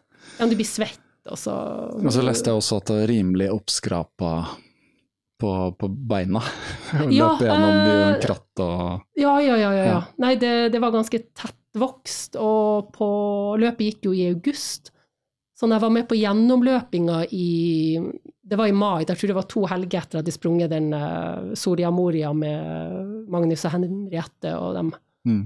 Så var det egentlig relativt mer åpent. Mm -hmm. uh, fordi det var tidlig på året. Ja. Når du kom til august, så hadde jo alt av det som var sånne småstier, var jo gjengrodd. Mm. Så da, da er det jo sånn at alle disse små buskene og stikkebusk og alt, det bare skraper Ja. oppleggene Ja. underveis. Og det kjente jeg godt. uh, Ja, det så ut som jeg hadde sånne røde hår. Oi, oi. Det var sånne småarr opp etter eh, leggen. Så i tillegg til liksom å være utmatta og kanskje litt dehydrert, og så er det man skrapt opp Ja, men det, og sliten. du kjente ikke de, de leggene kjente man ikke. Nei. Hvor, hvor er det liksom verst, eller hvor gjør det vondest på en sånn Eller blir det mer sånn at man er så utmatta mentalt? det gjør jo Altså På dette løpet så må jeg si at da var det kroppen, for kroppen slutta å virke. Jeg fikk ikke beina til å fungere. Eh, Men før det så var det egentlig det mentale. Mm. For Da var det midt på natta, og jeg var oppe i en eller annen skau, og jeg klarte ikke å finne noe sti, og jeg prøvde å følge den der streken på den trekken, og jeg var, så ut som jeg var på stien, men jeg var ikke på stien. Mm. Og jeg liksom pressa meg fram og pressa meg fram i sånne her granbusker som ble Mm. tettere og tettere og tettere og tettere. Og til slutt så satt jeg fast. Jeg kom ikke fram, jeg kom okay. ikke tilbake heller. Jeg liksom pressa meg inn i en sånn kratt eller noe sånt. Midt i skogen. Ja, midt inne i skauen, midt på natta, helt alene. Oh. Og da sto jeg der, og så gråt jeg litt for meg sjøl, for jeg så vanvittig synd i meg sjøl, Ja. og holdt på å trykke på den der nødknappen som er på disse her ah, ja. For dere har en sånn? Det er en sånn Ja. nødknapp. Ja. Eh, Som sender ut sånn GPS? som Ja, men nå ja. må jeg bli redda, dette her går ikke. Jeg kommer Nei. aldri til å komme meg fram, jeg kommer ikke ut av denne skogen, jeg vet ikke hvor jeg skal. Altså, hvorfor gjør jeg noe så dumt? Ja. Ja, og så klarte jeg liksom å, å dytte meg ut, og litt sånn sidelengs og bortover, og så uh, fant jeg en sti. Ja. Ja. Og da er det liksom oi, wow. Så jeg Wow! der, ja. Ja, det er, det er litt sånn bilde på livet, det. Ja. Står der noen ganger og sånn Nei, nå gir jeg opp, nå noen kommer og Jeg meg, liksom. og så må man bare liksom Ja, et steg til, ok. Og så plutselig åpner det seg opp. Og, hadde jeg trykt på den der nødknappen, hvor lang tid tror du det hadde tatt før de hadde kommet og henta meg opp i den der granskauen? kjempelang tid. Ikke sant? Det er ikke Ja. noe vits. Nei, nei. Nei, det jo, må jo være for nød hvis du liksom En skade Ja, eller ikke bare for at jeg er lei meg og sitter fast i et grantre. Men jeg skjønner jo lysten til å ha lyst til å bare Mm. si ifra, da. Ja. ja, det hørtes ut som Er det noe av det tøffeste du har gjort, eller? Ja, jeg, Ja. jeg syns absolutt det, det var det. Og så, som sagt, så funka ikke beina etter en stund. Uh, Så de siste kilometerne, jeg tror de siste 30 eller noe sånt, så Mm. klarte jeg verken å løpe opp eller ned. Nei. Jeg klarte ikke å løfte føttene. Så i oppoverbakke så måtte jeg nesten krype på alle fire Ja. for å klare å komme meg opp. Og det verste var jo at da hadde jo disse her kortere etappene starta. ja. Så de tok meg jo igjen mens jeg liksom prøvde også å kave meg opp. For det var andre distanser òg, ja. Ja, kortere Nettopp. distanser. De er jo våkne og opplagt og springer fort, mens jeg liksom surrer rundt og vet ikke hva som er att, jeg vet ikke hva som er fram. Jeg står liksom i et sånt eh, stikryss oh, og snurrer i sirkel og prøver å se på den GPS-en og skjønner ikke slags retning jeg skal. Og jeg skal opp en liten bakke, og jeg kryper alle fire. Så kom folk løpende forbi. Var det noen som sa noe skal hjelpe deg, eller? Ja, nei da, de liksom klappa meg på skuldra, og Ja. kjempebra, og dette Ja. går så fint. De visste hva du holdt på med, eller Ja. hvor lenge du hadde holdt på? Ja. Og siste delen så sprang jeg faktisk sammen med en som sprang eh, jeg tror det som var 80 km eller 60 km eller noe sånt. Og det siste partiet var ikke så kupert, så da klarte jeg liksom å, å småjogge. Hvor, hvor går dette så jeg kunne subbe litt, så gikk det fint. Ja, det, Vestfold altså, men hvordan, er det en rundløype, eller hvordan funker Ja, det? det, det er ei rundløype. Det er liksom opp på alle de fineste toppene, og det tar deg gjennom en del sånne flotte historiske steder. Mm. Eh, men poenget er at det er ikke alle de som nødvendigvis er naturlig sammenkobla med stier. Nei. Så imellom det som kanskje er en sti, og det som er neste sti der borte, så går det på en måte rett inn i granske. Ja, jeg skjønner. Ja, ok, ok. Ja. Så de har lagd et løp som var mer sånn ok, vi skal liksom klare å bestige alle de stoppene, men Ja. man finner litt fram selv, liksom. Ja, altså det er jo, du har jo en GPS-trekk, og det går jo mye på stier, men du skal bare være helt sikker på at er det en stor, fin sti og en bitte, bitte liten sånn her uh, sauetråkk, så skal Mm. du på sauetråkket. Ja, ikke sant. Ja. ja. Ja, det er sånn. Men det er et fantastisk fint løp og ei uh, altså helt nydelig løype. Masse fine utkikkspunkt og ja, ja. Når, når var dette, hvilket år var dette? mm, August uh, 2020, tror jeg. Ja. ja. Det var i koronatiden. Mm. Ganske langt fra hverandre nå når man er ute i Ja. Ja. Ja, Og- altså det var ikke noe risiko der. Og så og så har du løpt et sånn ørkenløp, så jeg, Ja, i Namibia. ja nå i, eh, i høst. Ja, det var nå, nå i Ja. fjor, da. Ja. Og det er jo noe nytt igjen, som jeg ikke har vært borti før, som sånne etappeløp. Mm. Er det litt kun- som det Maraton de Sable i Ja, helt samme opplegg. Ja. Ja. Hvor du springer på en måte en maraton de fleste dagene, og Mm. så er det en sånn lang etappe. Og så siste etappen er en sånn, eh, ja, sånn koseetappe, på en måte. Mm. Hvor folk kan løpe med eh, sånn benevnelser for ulike organisasjoner man støtter, og litt Ja, sånt. Mm. Ja. Hvordan kom du over dette? Eh, Det var egentlig kjæresten min som Ja. skulle ned og løpe det, for han hadde ikke løpt akkurat det løpet, og så ble jeg med. Men Han løper en del løp. Han løper en del etappeløp, ja. Ja. Mm. Det er, han, er ganske, han er ganske kjent, vi kan nevne kjent ultraløp som heter Frode Lein. Mm. Så passer bra sammen her, da. Ja, ja, ja. Vi traff hverandre når vi trente til Oslo-Bergen. Ja, nettopp. Som Ja, jeg det- fullførte, og ikke han. Det, la det være sagt. La det være sagt. Men eh, ja, det Nei skal jeg spørre deg om, for det er notert. Men uh, fortell, hvordan var det å løpe et sånn ørken... Uh... Mm, det var For det første så er det jo dette med, som er med etappeløpene, at du må jo ha med deg alt du skal spise i seks dager i strekk. mm. Ja, For det er også en sånn hviledag før den siste lille etappen, så du må på en måte ha mat til, eh, til alle dagene. Mm. Uh, mat, snacks, uh, alt du skal ha på deg. mhm. Sovepose, liggeunderlag, solkrem, dopapir, på en måte alt du trenger, unntatt vann i denne perioden. Mm. Så organisasjonen, eller de som organiserer, stiller med telt og, og vann, som du får ganske Mm. ofte underveis. -hmm. Og så er det jo varmt. Mhm. Eller egentlig så er det ikke så varmt, for det er kjempekaldt på natta. Så når Ja. jeg kom fram dit sent på kvelden, så hadde jeg på dunjakke og syntes det her var kjempekaldt. All varme bare forsvinner i løpet av når sola går ned, så tjopp. Ja, og og tidlig neste morgen når vi stilte til start, så sa jeg til Frode at jeg ville springe med dunjakken på, og så sa han nei, det, det er nok ikke så lurt. Mm. Det, var ganske, det var ganske kjølig. Ja, ja. Men så Eh, kommer sola opp. Ja, og så Det var klokka åtte, og innen klokka ti så var det kokvarmt. Mm. Det er ikke noe mellom. Nei, det, Det er når sola er oppe, så er det kjempevarmt, Ja. og når den går ned, så blir det kjempekaldt. Ja. ja. Helt motsatt enn her, liksom, hvor vi har litt sånn ja, det, det er liksom ikke varme i lufta, Nei, kjentes det ut som. det Men den sola varmer vanvittig. Ja. Mm. Jeg har ikke, jeg har ikke løpt noe ørkenløp, men jeg har vært på steder hvor det er ofte sånn Ja. veldig varmt på dagen og, og kaldt. er vel det, når det ikke er skog, ingenting som holder på luften. Men det er jo ikke tungt teknisk, og det er jo ikke veldig kupert, men det Nei. er jo veldig vanskelig å få springe på, på den sanda. Mm. Det blir som å springe på snø. Ja. Mm. Å springe på sand er ja. Jeg bare prøvd meg på sånne strender og sånn, men det er jo tungt. Det er Ja, det, det kjempetungt. er kjempetungt, Ja. så det dreier seg veldig mye om å klare å finne partier Ja. som er litt mer hardtråkka. Ja, Du springer kanskje ikke rett fram på det som er en sånn vei. Nei. Eh, Du ser om det kanskje er et litt hardt parti litt ut på sida, eller om du kan legge deg litt lenger opp på kanten, Mm. eller eh, Mm. prøve å orientere deg litt på, på hva som er fornuftig. Og så kan du, kan du se hvor andre løper, og Ja. kanskje holde deg unna hvis du ser at de Ok, Der der sank de veldig, Ja. jeg springer ikke der. Nei, sånn. Men da løp dere altså sammen som et eh, par eh, Ja, hele veien? Ja, vi sprang sammen Ja, hele veien. ja. Men da er det mer sånn å fullføre, eller var det sånne ambisjoner om å liksom komme plassering, og hvordan hadde dere lagt opp?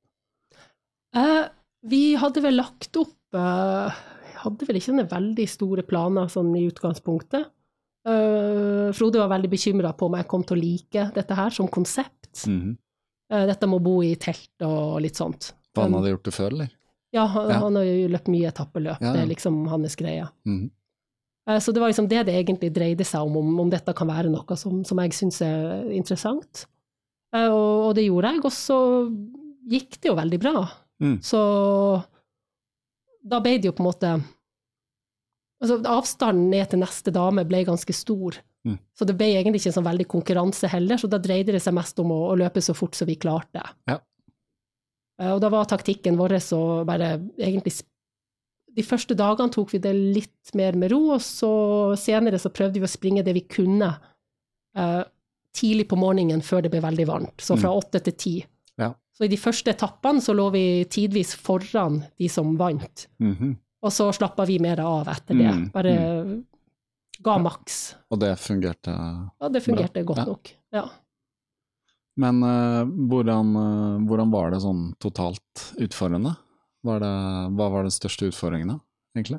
Jeg vet jo at det er mye sand i sko, og du må forsegle og Ja, holde på veldig eh, sånn. det med å springe på sand syns jeg var tungt, og det var noen dager som jeg tror temperaturen var 40 grader i sola eller noe sånt, hvor jeg syntes det var ganske grusomt. Måtte Ja. drikke masse, masse vann. Ja. Det var jo bare å fylle på hele veien. Mm.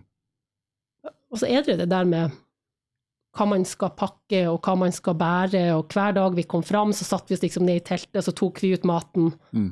Uh, hvor mye har du igjen, hvor mye har du igjen, uh, hvor mye har vi brukt, hvor mye trenger vi? Og egentlig hver dag så kutta vi litt ned, for man så at uh, Har litt for mye. ja, Ja. Uh, og igjen så hadde vi mye mer enn det Frode kanskje ville hatt.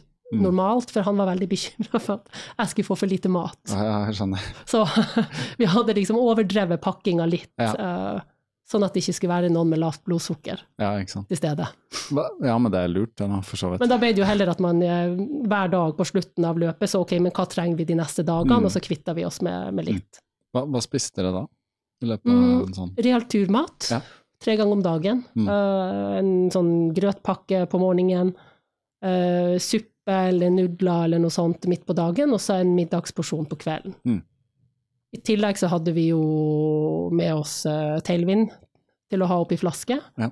og noe sånn derre kokos uh, Liksom en sånn gel, bare ikke gel. Jeg tåler ikke sånn syntetiske Nei, okay. greier, men mer noe sånn kokosmasse. Mhm.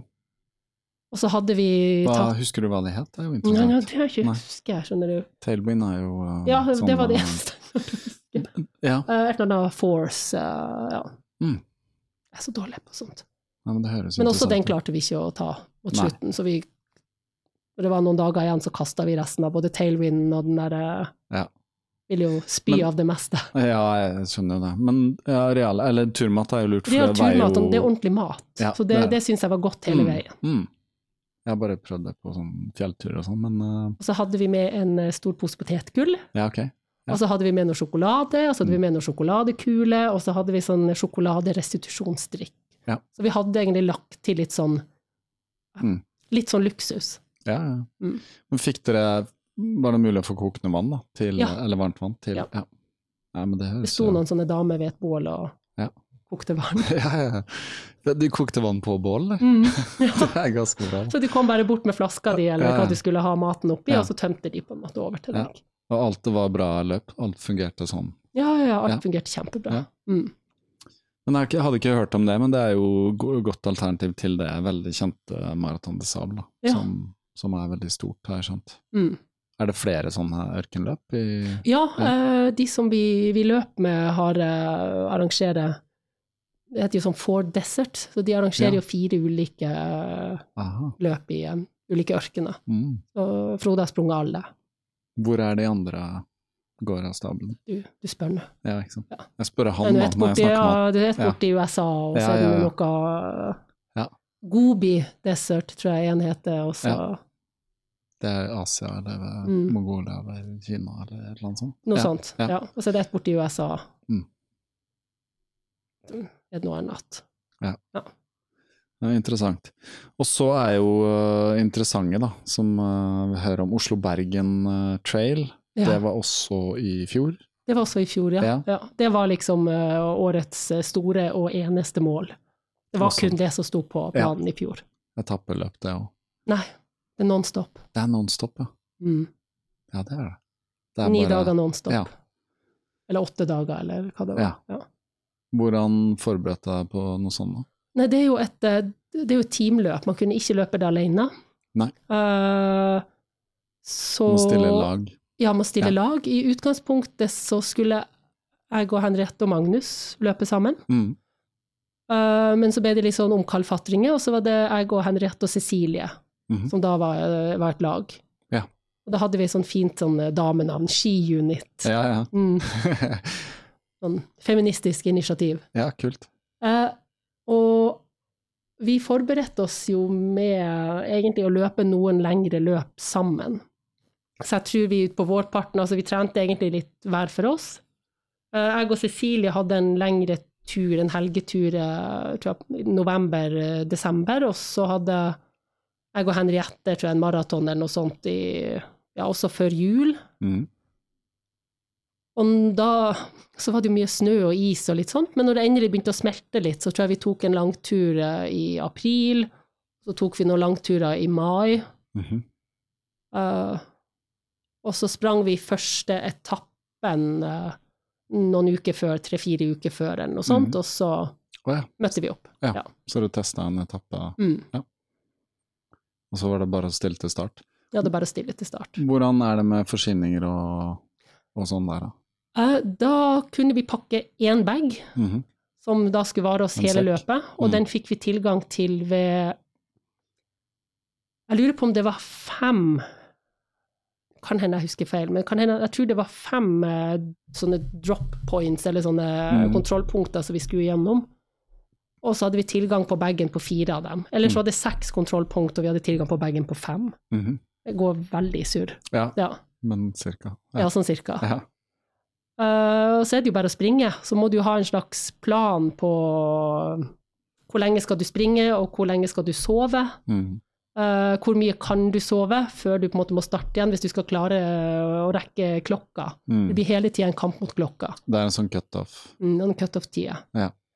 Um, og de viste seg å være ganske strenge på, på Oslo-Bergen, så det var veldig mange som ble plukka av uh, pga. Ja. av klokka. Ja. Og det var vel en 40 og noe lag som stilte til start, og vi var åtte lag som kom i mål. Mm. Det er ganske stort frafall, ja. Mm. Ja, det er det. Ja. Det er jo ja, Skal ikke regne prosent i hodet akkurat nå, men det er i hvert fall er for ganske mange. Ja. Uh, som ikke sted 80 eller noe sånt. Så vi var ikke de eneste damene som kom i mål, men Mm. vi var det eneste damelaget Ja. som, som kom i mål. Uh, men hvordan sover man, da? Eller hvordan Det er jo På det første stedet så var det en gymsal hvor vi fikk noen sånne madrasser. Ja. Eh, Og så har vi med en lakenpose, og så fikk vi noen tepper og noe sånt. Mhm. Så så vi der. Får man sove, da? Eller hvordan? Det var første natta fikk vi ikke sove så veldig mye. Altså, er det mye folk, for det var først, helt i begynnelsen var det jo mange med. Ja, ja. Og ingen som hadde droppa ut ennå, og det var liksom, det var, det var stappa med folk, og det kom inn nye, og noen gikk, og Mm. Jeg så i hvert fall ikke noe særlig.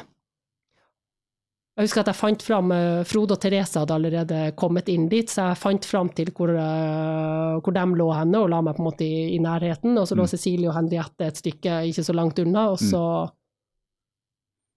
ja. Ja. sto vi opp tre timer senere, og så kom vi oss av gårde. Og det er Hvor langt har det løpt da, første dag? Eh, første etappen var 105. Ja. Jeg tror vi brukte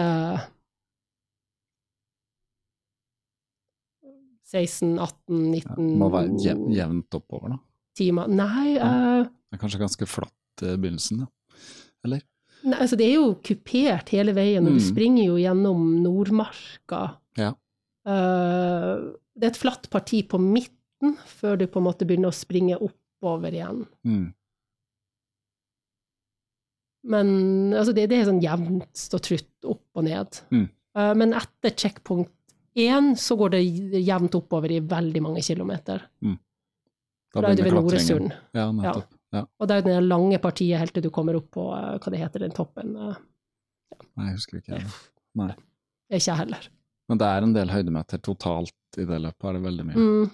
Jeg tror 15 000 eller noe Ja. sånt. Ja. Mm. Kanskje mer? Ja. Over 20, var det? Eller? Nei, jeg tror det var 15, Nei, kanskje 18. Ja. Det er i hvert fall uh, det, er mye- det er mye opp. Ja. Um, og så videre så er det sånn faste steder å sove, da. Det er sånne faste steder Ja. å sove. Uh, Og det er der det er cutoff. Du må ankomme dit før. ja, du må dra derifra før Ja, på en måte neste. skjønner, Og hvis du ikke har rukket å komme dit, så rekker du ikke å dra derifra Nei, heller. nei. Og hvis du kommer seint, så blir det litt Mm. hvil og så. Ja. Og de endra jo på løypa underveis, oh, ja. i forhold til hva som var den opprinnelige løypa. Mhm. De hadde vel venta at folk det Mange skulle falle av for at man ikke rakk cutoffen, men også de beste lagene gjorde det såpass mye dårligere Mhm. enn det som var forventa. Så det Ja. viste seg at uh, de løypene som var lagt, antagelig ikke var veldig realistiske. Nei. Eh, Det var rett og slett få- for tøft i forhold til Ja, for det var Mm. første året, så var det liksom ikke noe referanse Nei, det var ikke på noen referanse. Nei. Så det var noen endringer underveis i forhold til den opprinnelige løypa, men vi Mm. hadde, eh, vi hadde hovedløypa, og så hadde vi noen sånne alternative etapper også, mm. Eh, som Og vi ble da sendt ut på, på de siste etappene, så ble vi sendt ut på noen sånne alternative spor. Ja.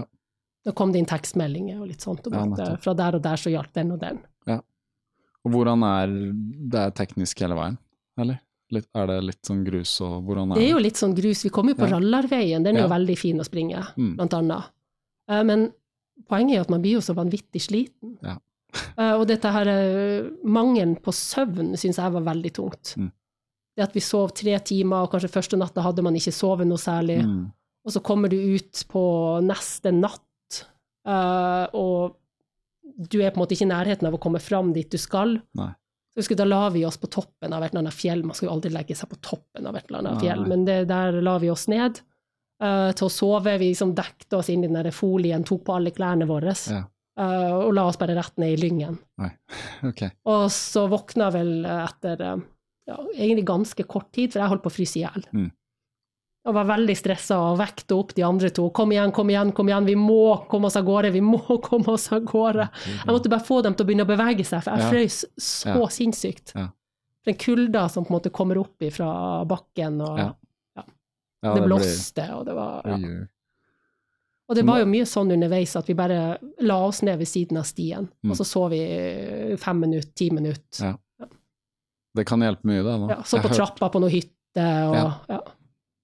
Ikke sant? Jeg har, hørt, jeg har hørt en del sånne ultra Eller de som løper de i backyardene Mm. og bare løper Altså holder på så lenge, da. ja, Det er sånn fem minutter og ti minutter og sånn de bare sover hele tiden. ja Du, og, du resetter jo ganske mye, da. Det vet du jo hjemme også. Du blir litt trøtt, legger deg under sofaen, så kan du liksom bare være rett inn i søvnen, og så våkner du igjen, så føler jeg litt sånn ja, men jeg opplevde jo at det allikevel så gikk nok. det en halvtime, time, og så var jeg Ja. dødtrøtt igjen, så Ja, måtte vi legge oss ned, og så det opp Ja. igjen, og så det fortsette, og så klarte man jo ikke å se beint, altså da legge seg ned. Og Ja. jeg følte jo at hele løpet dreide seg om bare å kjempe, kjempe mot søvn. Ja. Mm. Hvordan, var det ganske likt for dere tre? Sånn opplevde det ganske likt, eller? Ja, jeg tror det Ja. søvnmessige, det, det opplevde vi, vi ganske Mm. likt. Ja. Eh, så var det ei som sleit veldig med varmen på det første partiet, Ja. uh, som gjorde at hun ble mye tregere enn det hun vanligvis er. Mm. Men når Og så kom seg inn, kom seg Mm. tilbake igjen på en måte senere i løpet, når det ble Mm. kaldere. For på fjellet er det jo kjølig, eller det Mm. var ikke noe varmt? Nei. Nei, men det første partiet fram til Noresund, og Ja. også det den tøffe oppoverbakken, så varte det lenge etter det. Ja. Da var det varmt. Ja. Kokvarmt. Men trodde du underveis at det skulle gå, eller hadde dere en sånn Um, jeg er jo veldig utålmodig, og så er jeg veldig, veldig målbevisst og veldig Mm. sånn, fokusert på å komme fram. mm. Uh, og det var perioder underveis hvor jeg hadde tenkt å gi meg, fordi Mm. jeg syntes ikke det gikk fort nok. Nei. ok. Ja, uh, hvor jeg liksom Ja. mm, Hvor jeg følte meg sur fordi ei anna sleit av varmen. Ja. Og da er det virkelig at man må gå i seg sjøl og begynne å jobbe med sin egen eh, Mm. utålmodighet. ja, det skjønner jeg. Jeg ville dra og ville dra og ville dra, og jeg syntes at det gikk så sakte. Ja. Uh, Og det gjør det jo sikkert. hvis. Ja, og hvis man sliter med, med varmen, så, Mm. så gjør det jo det. Mm.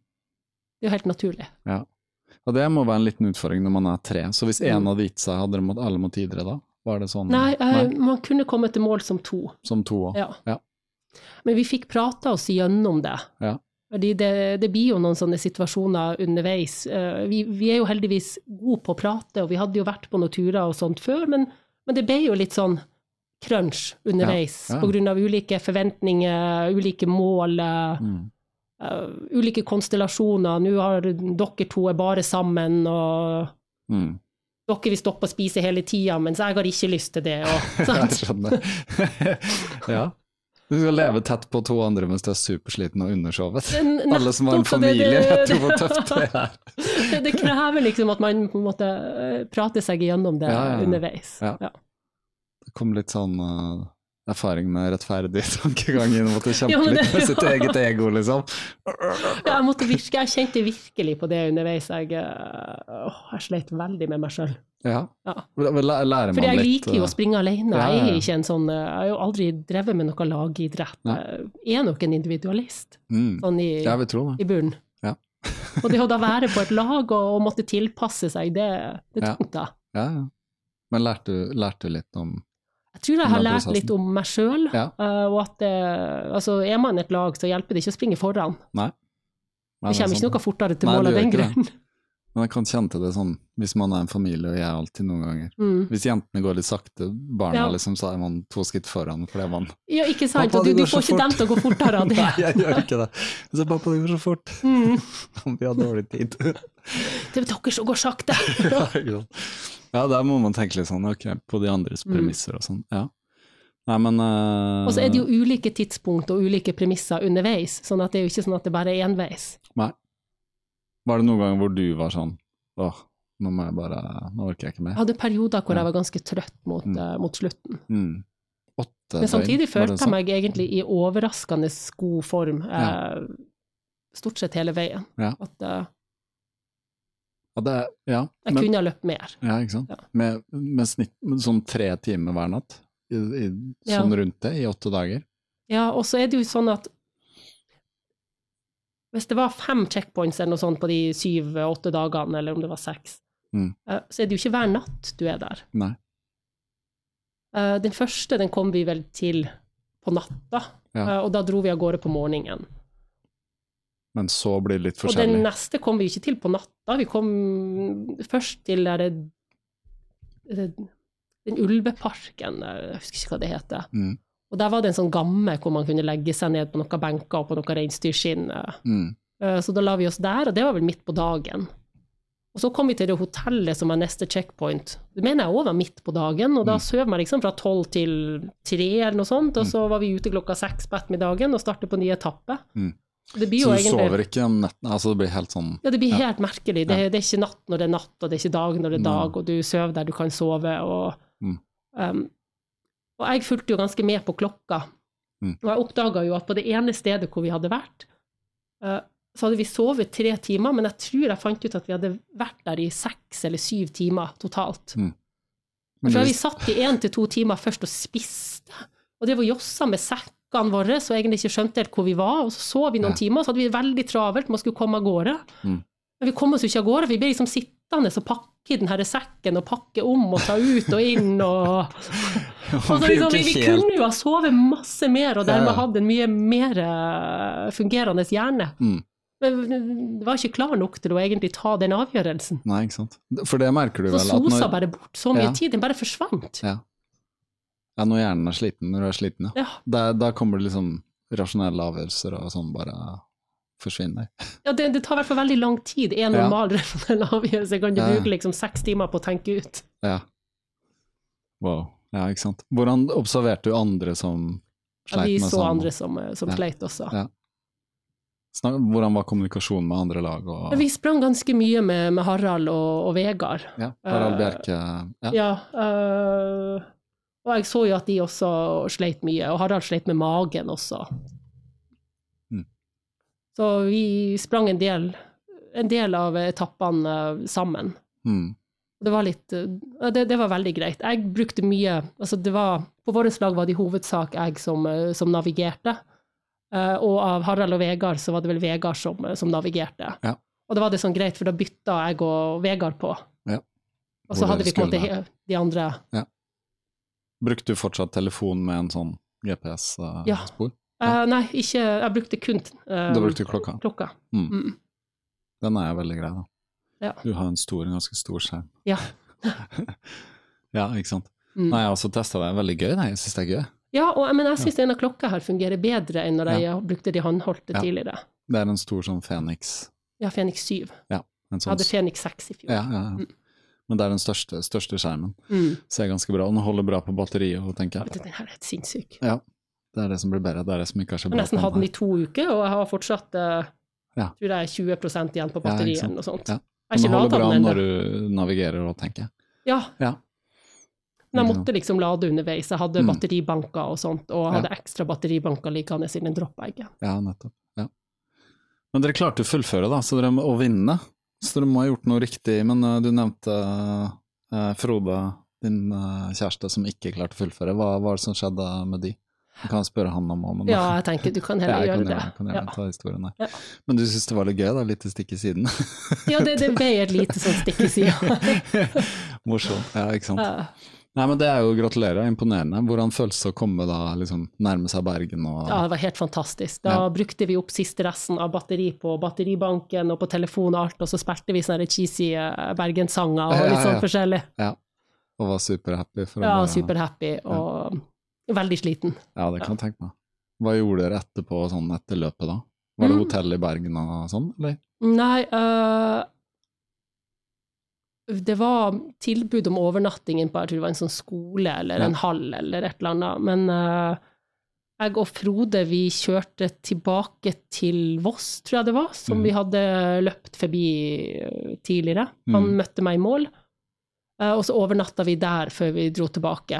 Ja. Uh, eller overnatta, jeg lå og skreik av smerte Au. hele natta. Au. Um, så han serverte meg vann og brus, og så kjørte vi til legevakta i eh, Nittedal og fikk skåret opp uh, beina. Uh, betent i blemmer og ja. Fikk noe sånn uh, antibiotika. Det har gått betennelse i eh, på et sted. så rett og slett vannblemmer som ble så Ja, ja, ja, det var vannblemme på vannblemme, Ja. og sår på sår. Og. Au. Mm. Når begynte det å komme? Det kommer jo ganske tidlig, for det er jo bløtt i skogen, så Mm. det blir blaut på beina. Og vi hadde jo med oss mye, mange par med sokker. Jeg tror vi hadde til hver etappe hadde vi to-tre par med sokker, så vi bytta jo flere ganger underveis, Mm. og vi smurte beina, men uh, det var ikke til å unngå. Nei. I hvert fall, vi klarte ikke å unngå det. Vi har fått noen tips fra noen andre der, eller? Det er jo det med å smøre og Ja. skifte sokker, er jo Mm. liksom hovedtipset. Prøve å tørke litt. Mm, prøve å tørke, og, og vi gjorde det. Jeg, jeg kan skjønne det. sånn sett så hadde vi ikke de verste føttene. Ikke på langt nær. Nei. Det var andre som var verre Det var andre som var verre. Uff. Mm. Ja. ja, det høres ille ut. Ja. Uh, hvert fall når, ja, når du først er ferdig og skal sove, så er det bare Det gikk ikke an, det var så vondt. Det Ja. var så helt Og siste natta før, eh, ja, før siste etappen også, Mm. var det heller ikke mulig å sove. Det var så vondt at det alle, sleit, alle dere tre Ja. sleit med samme, mm. Men kom, kommer seg gjennom. Ja, vi, vi kom oss til mål. Da var det liksom bare å kjøre på siste biten. Ja. Ja. Blir det er det blir fristende å ta litt sånn smertestillende tabletter, og gjorde dere det og sånn, eller er det, er det lov å si? Mm. Ja, altså vi hadde vel noe Paracet og Ibux, men Mm. jeg tror ikke vi tok så veldig mye av det. Ja. Jeg kan i hvert fall ikke huske det som noe sånn utprega. Men jeg kan skjønne liksom at au. Ja, men egentlig så Ja. Altså, det, det vonde er jo, det er jo føttene som er vonde. Mm. Uh, og når du begynner å løpe etter å ha stoppa, så gjør det veldig vondt. Ja. Men du på en måte, når du har beveget deg litt, altså du begynner jo med å gå, i Ja. hvert fall gjorde vi det, og når du hadde gått et lite stund, så kjenner du ikke smerten, altså den, den går bort. Mm. Og så begynner du å bevege deg mer og løpe litt, og Ja, men det er når du stopper og ja. ja, det er når du stopper, når du hadde disse her eh, soveperiodene, at Mm. Eh, og hadde hatt av deg skoen kanskje i flere timer, så skal Ja. du ta på sko igjen. Ja, ikke sant. Ja. Så hvor lang tid tok det å komme seg etter en sånn vanvittig Mm. fem, 515 km eller et eller annet sånt? Jeg hadde jo en par uker hvor jeg rett og slett ikke fikk på sko. Nei. Uh, jeg brukte Frode sine sko, kjempestore. Ja. Uh, eller ikke så kjempestore, men altså i forhold til mine. Ja, ja, ja. Noen nummer opp. Eh, Noen nummer opp, ja. Ja. Uh, og gikk med sandaler og sånt, så Mm. på, på båttur Mm. eh, på Koster med, med barna mine. Mm. ikke sandaler, det var greit. Ja, sommer fortsatt. Så- og da begynte vi å løpe litt, eller jeg begynte å løpe, og det gikk vel egentlig greit. Mm. Eh, og så viste det seg jo etter hvert at det hadde satt seg en eller annen sånn betennelsesklump på, på foten min, Okay som jeg da har slitt med utover høsten. Så jeg har fortsatt å springe med Frode sine sko, og så har jeg fått tilpassa noen spesialsåler for å avlaste på, Mm. eh, på det stedet. Det er rett og slett en ansamling av noe som er sånn Ja, Hovent, på yttersida nedafor lilletåa så har det blitt en sånn ekstra kul, Au, som også går inn under foten. da. Som da har vært vond å gå på på, Ja. på morgenen, og først så ser jo føttene mine ser jo ikke ut som føtter lenger, syns jeg.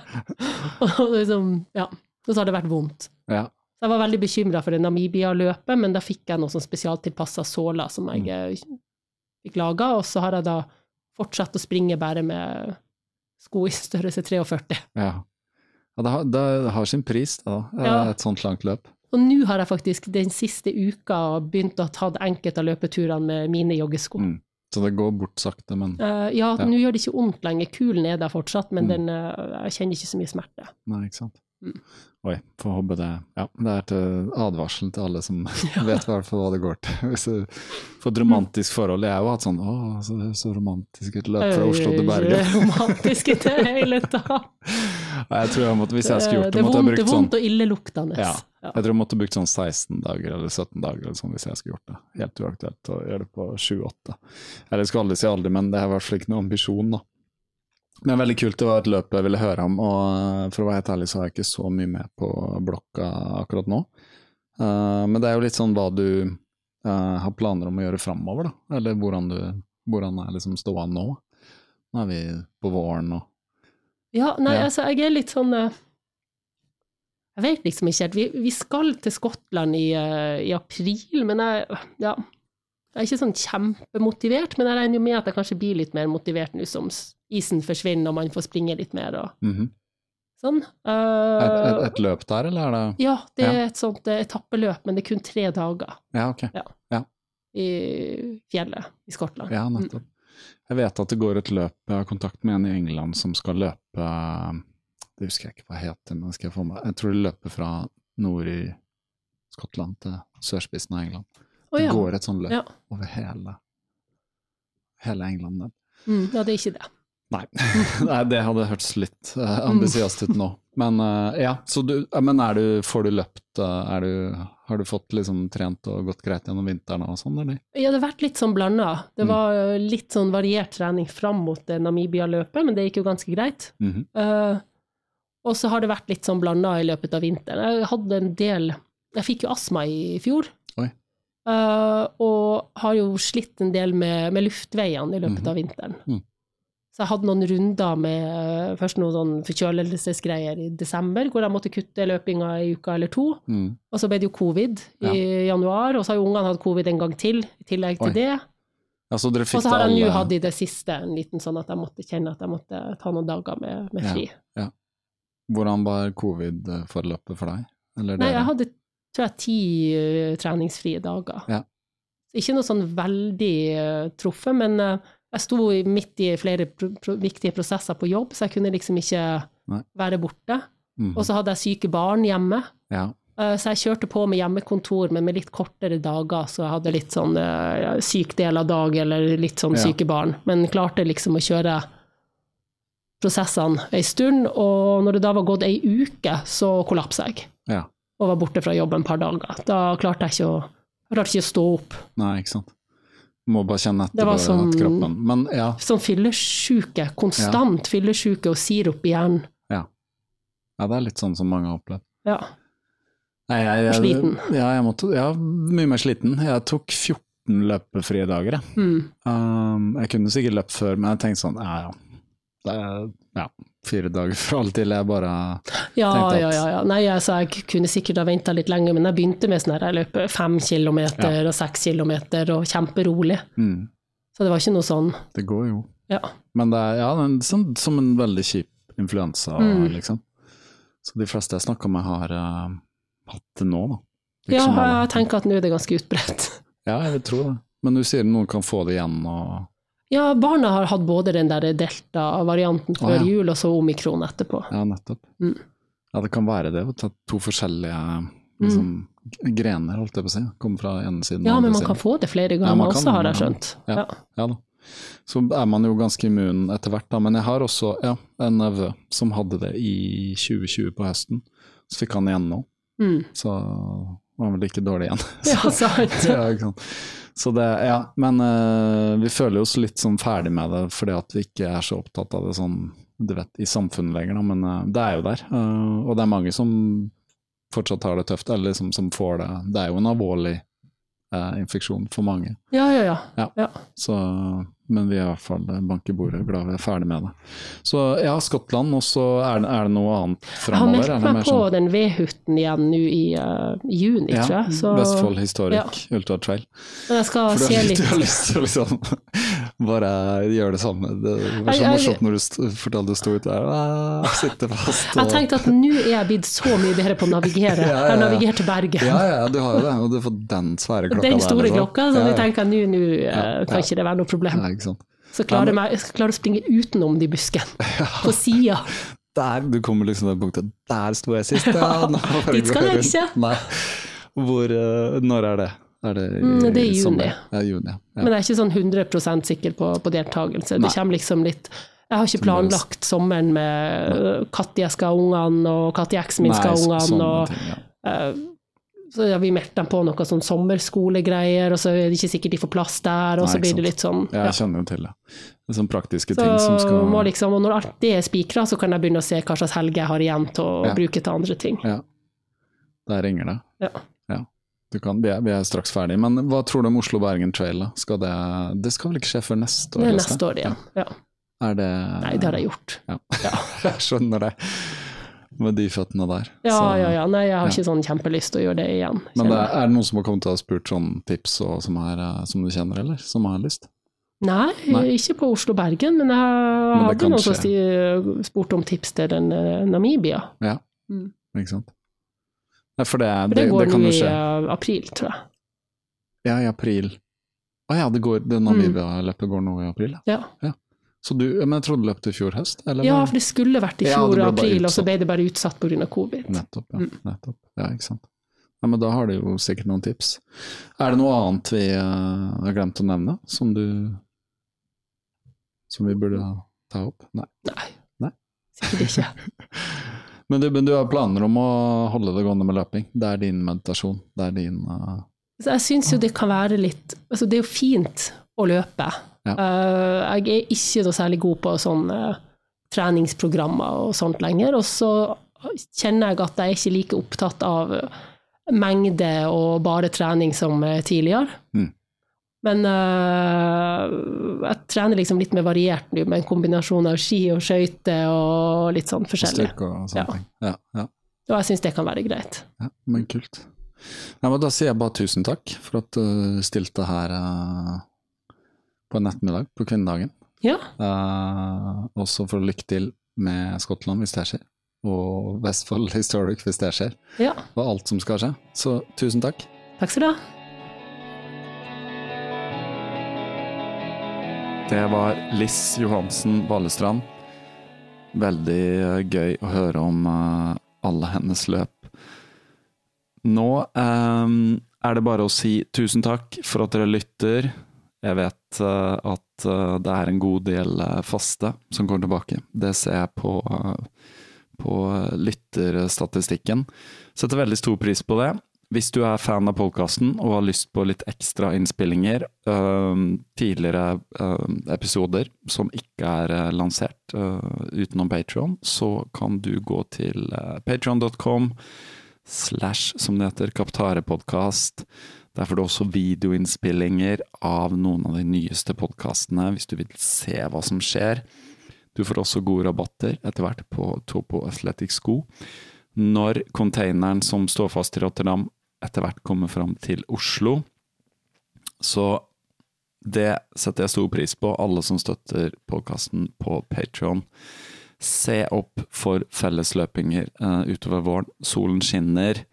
Det er isfritt, nesten. Jeg løp i går en langtur. Um, på skyggesiden så var det jo selvfølgelig fortsatt masse is, men uh, det er bare snakk om tid før det er shorts og T-skjorte. Så inntil videre, ha en fantastisk løpedag videre.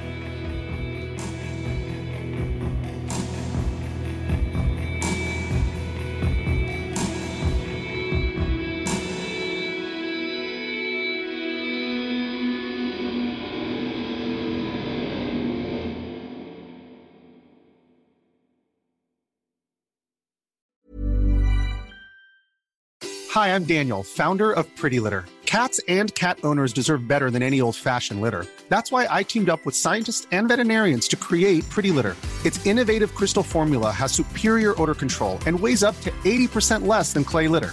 Pretty Litter even monitors health by changing colors to help detect early signs of potential illness. It's the world's smartest kitty litter. Go to prettylitter.com and use code ACAST for 20% off your first order and a free cat toy. Terms and conditions apply. See site for details. Ever catch yourself eating the same flavorless dinner three days in a row? Dreaming of something better? Well, HelloFresh is your guilt free dream come true, baby. It's me, Kiki Palmer. Let's wake up those taste buds with hot, juicy pecan crusted chicken or garlic butter shrimp scampi. Mm. Hello Fresh. Stop dreaming of all the delicious possibilities and dig in at HelloFresh.com. Let's get this dinner party started. Hey, it's Paige DeSorbo from Giggly Squad. High quality fashion without the price tag. Say hello to Quince. I'm snagging high-end essentials like cozy cashmere sweaters, sleek leather jackets, fine jewelry, and so much more. With Quince being 50 to 80% less than similar brands. And they partner with factories that prioritize safe, ethical, and responsible manufacturing. I love that. Luxury quality within reach. Go to quince.com slash style to get free shipping and 365 day returns on your next order. Quince.com slash style.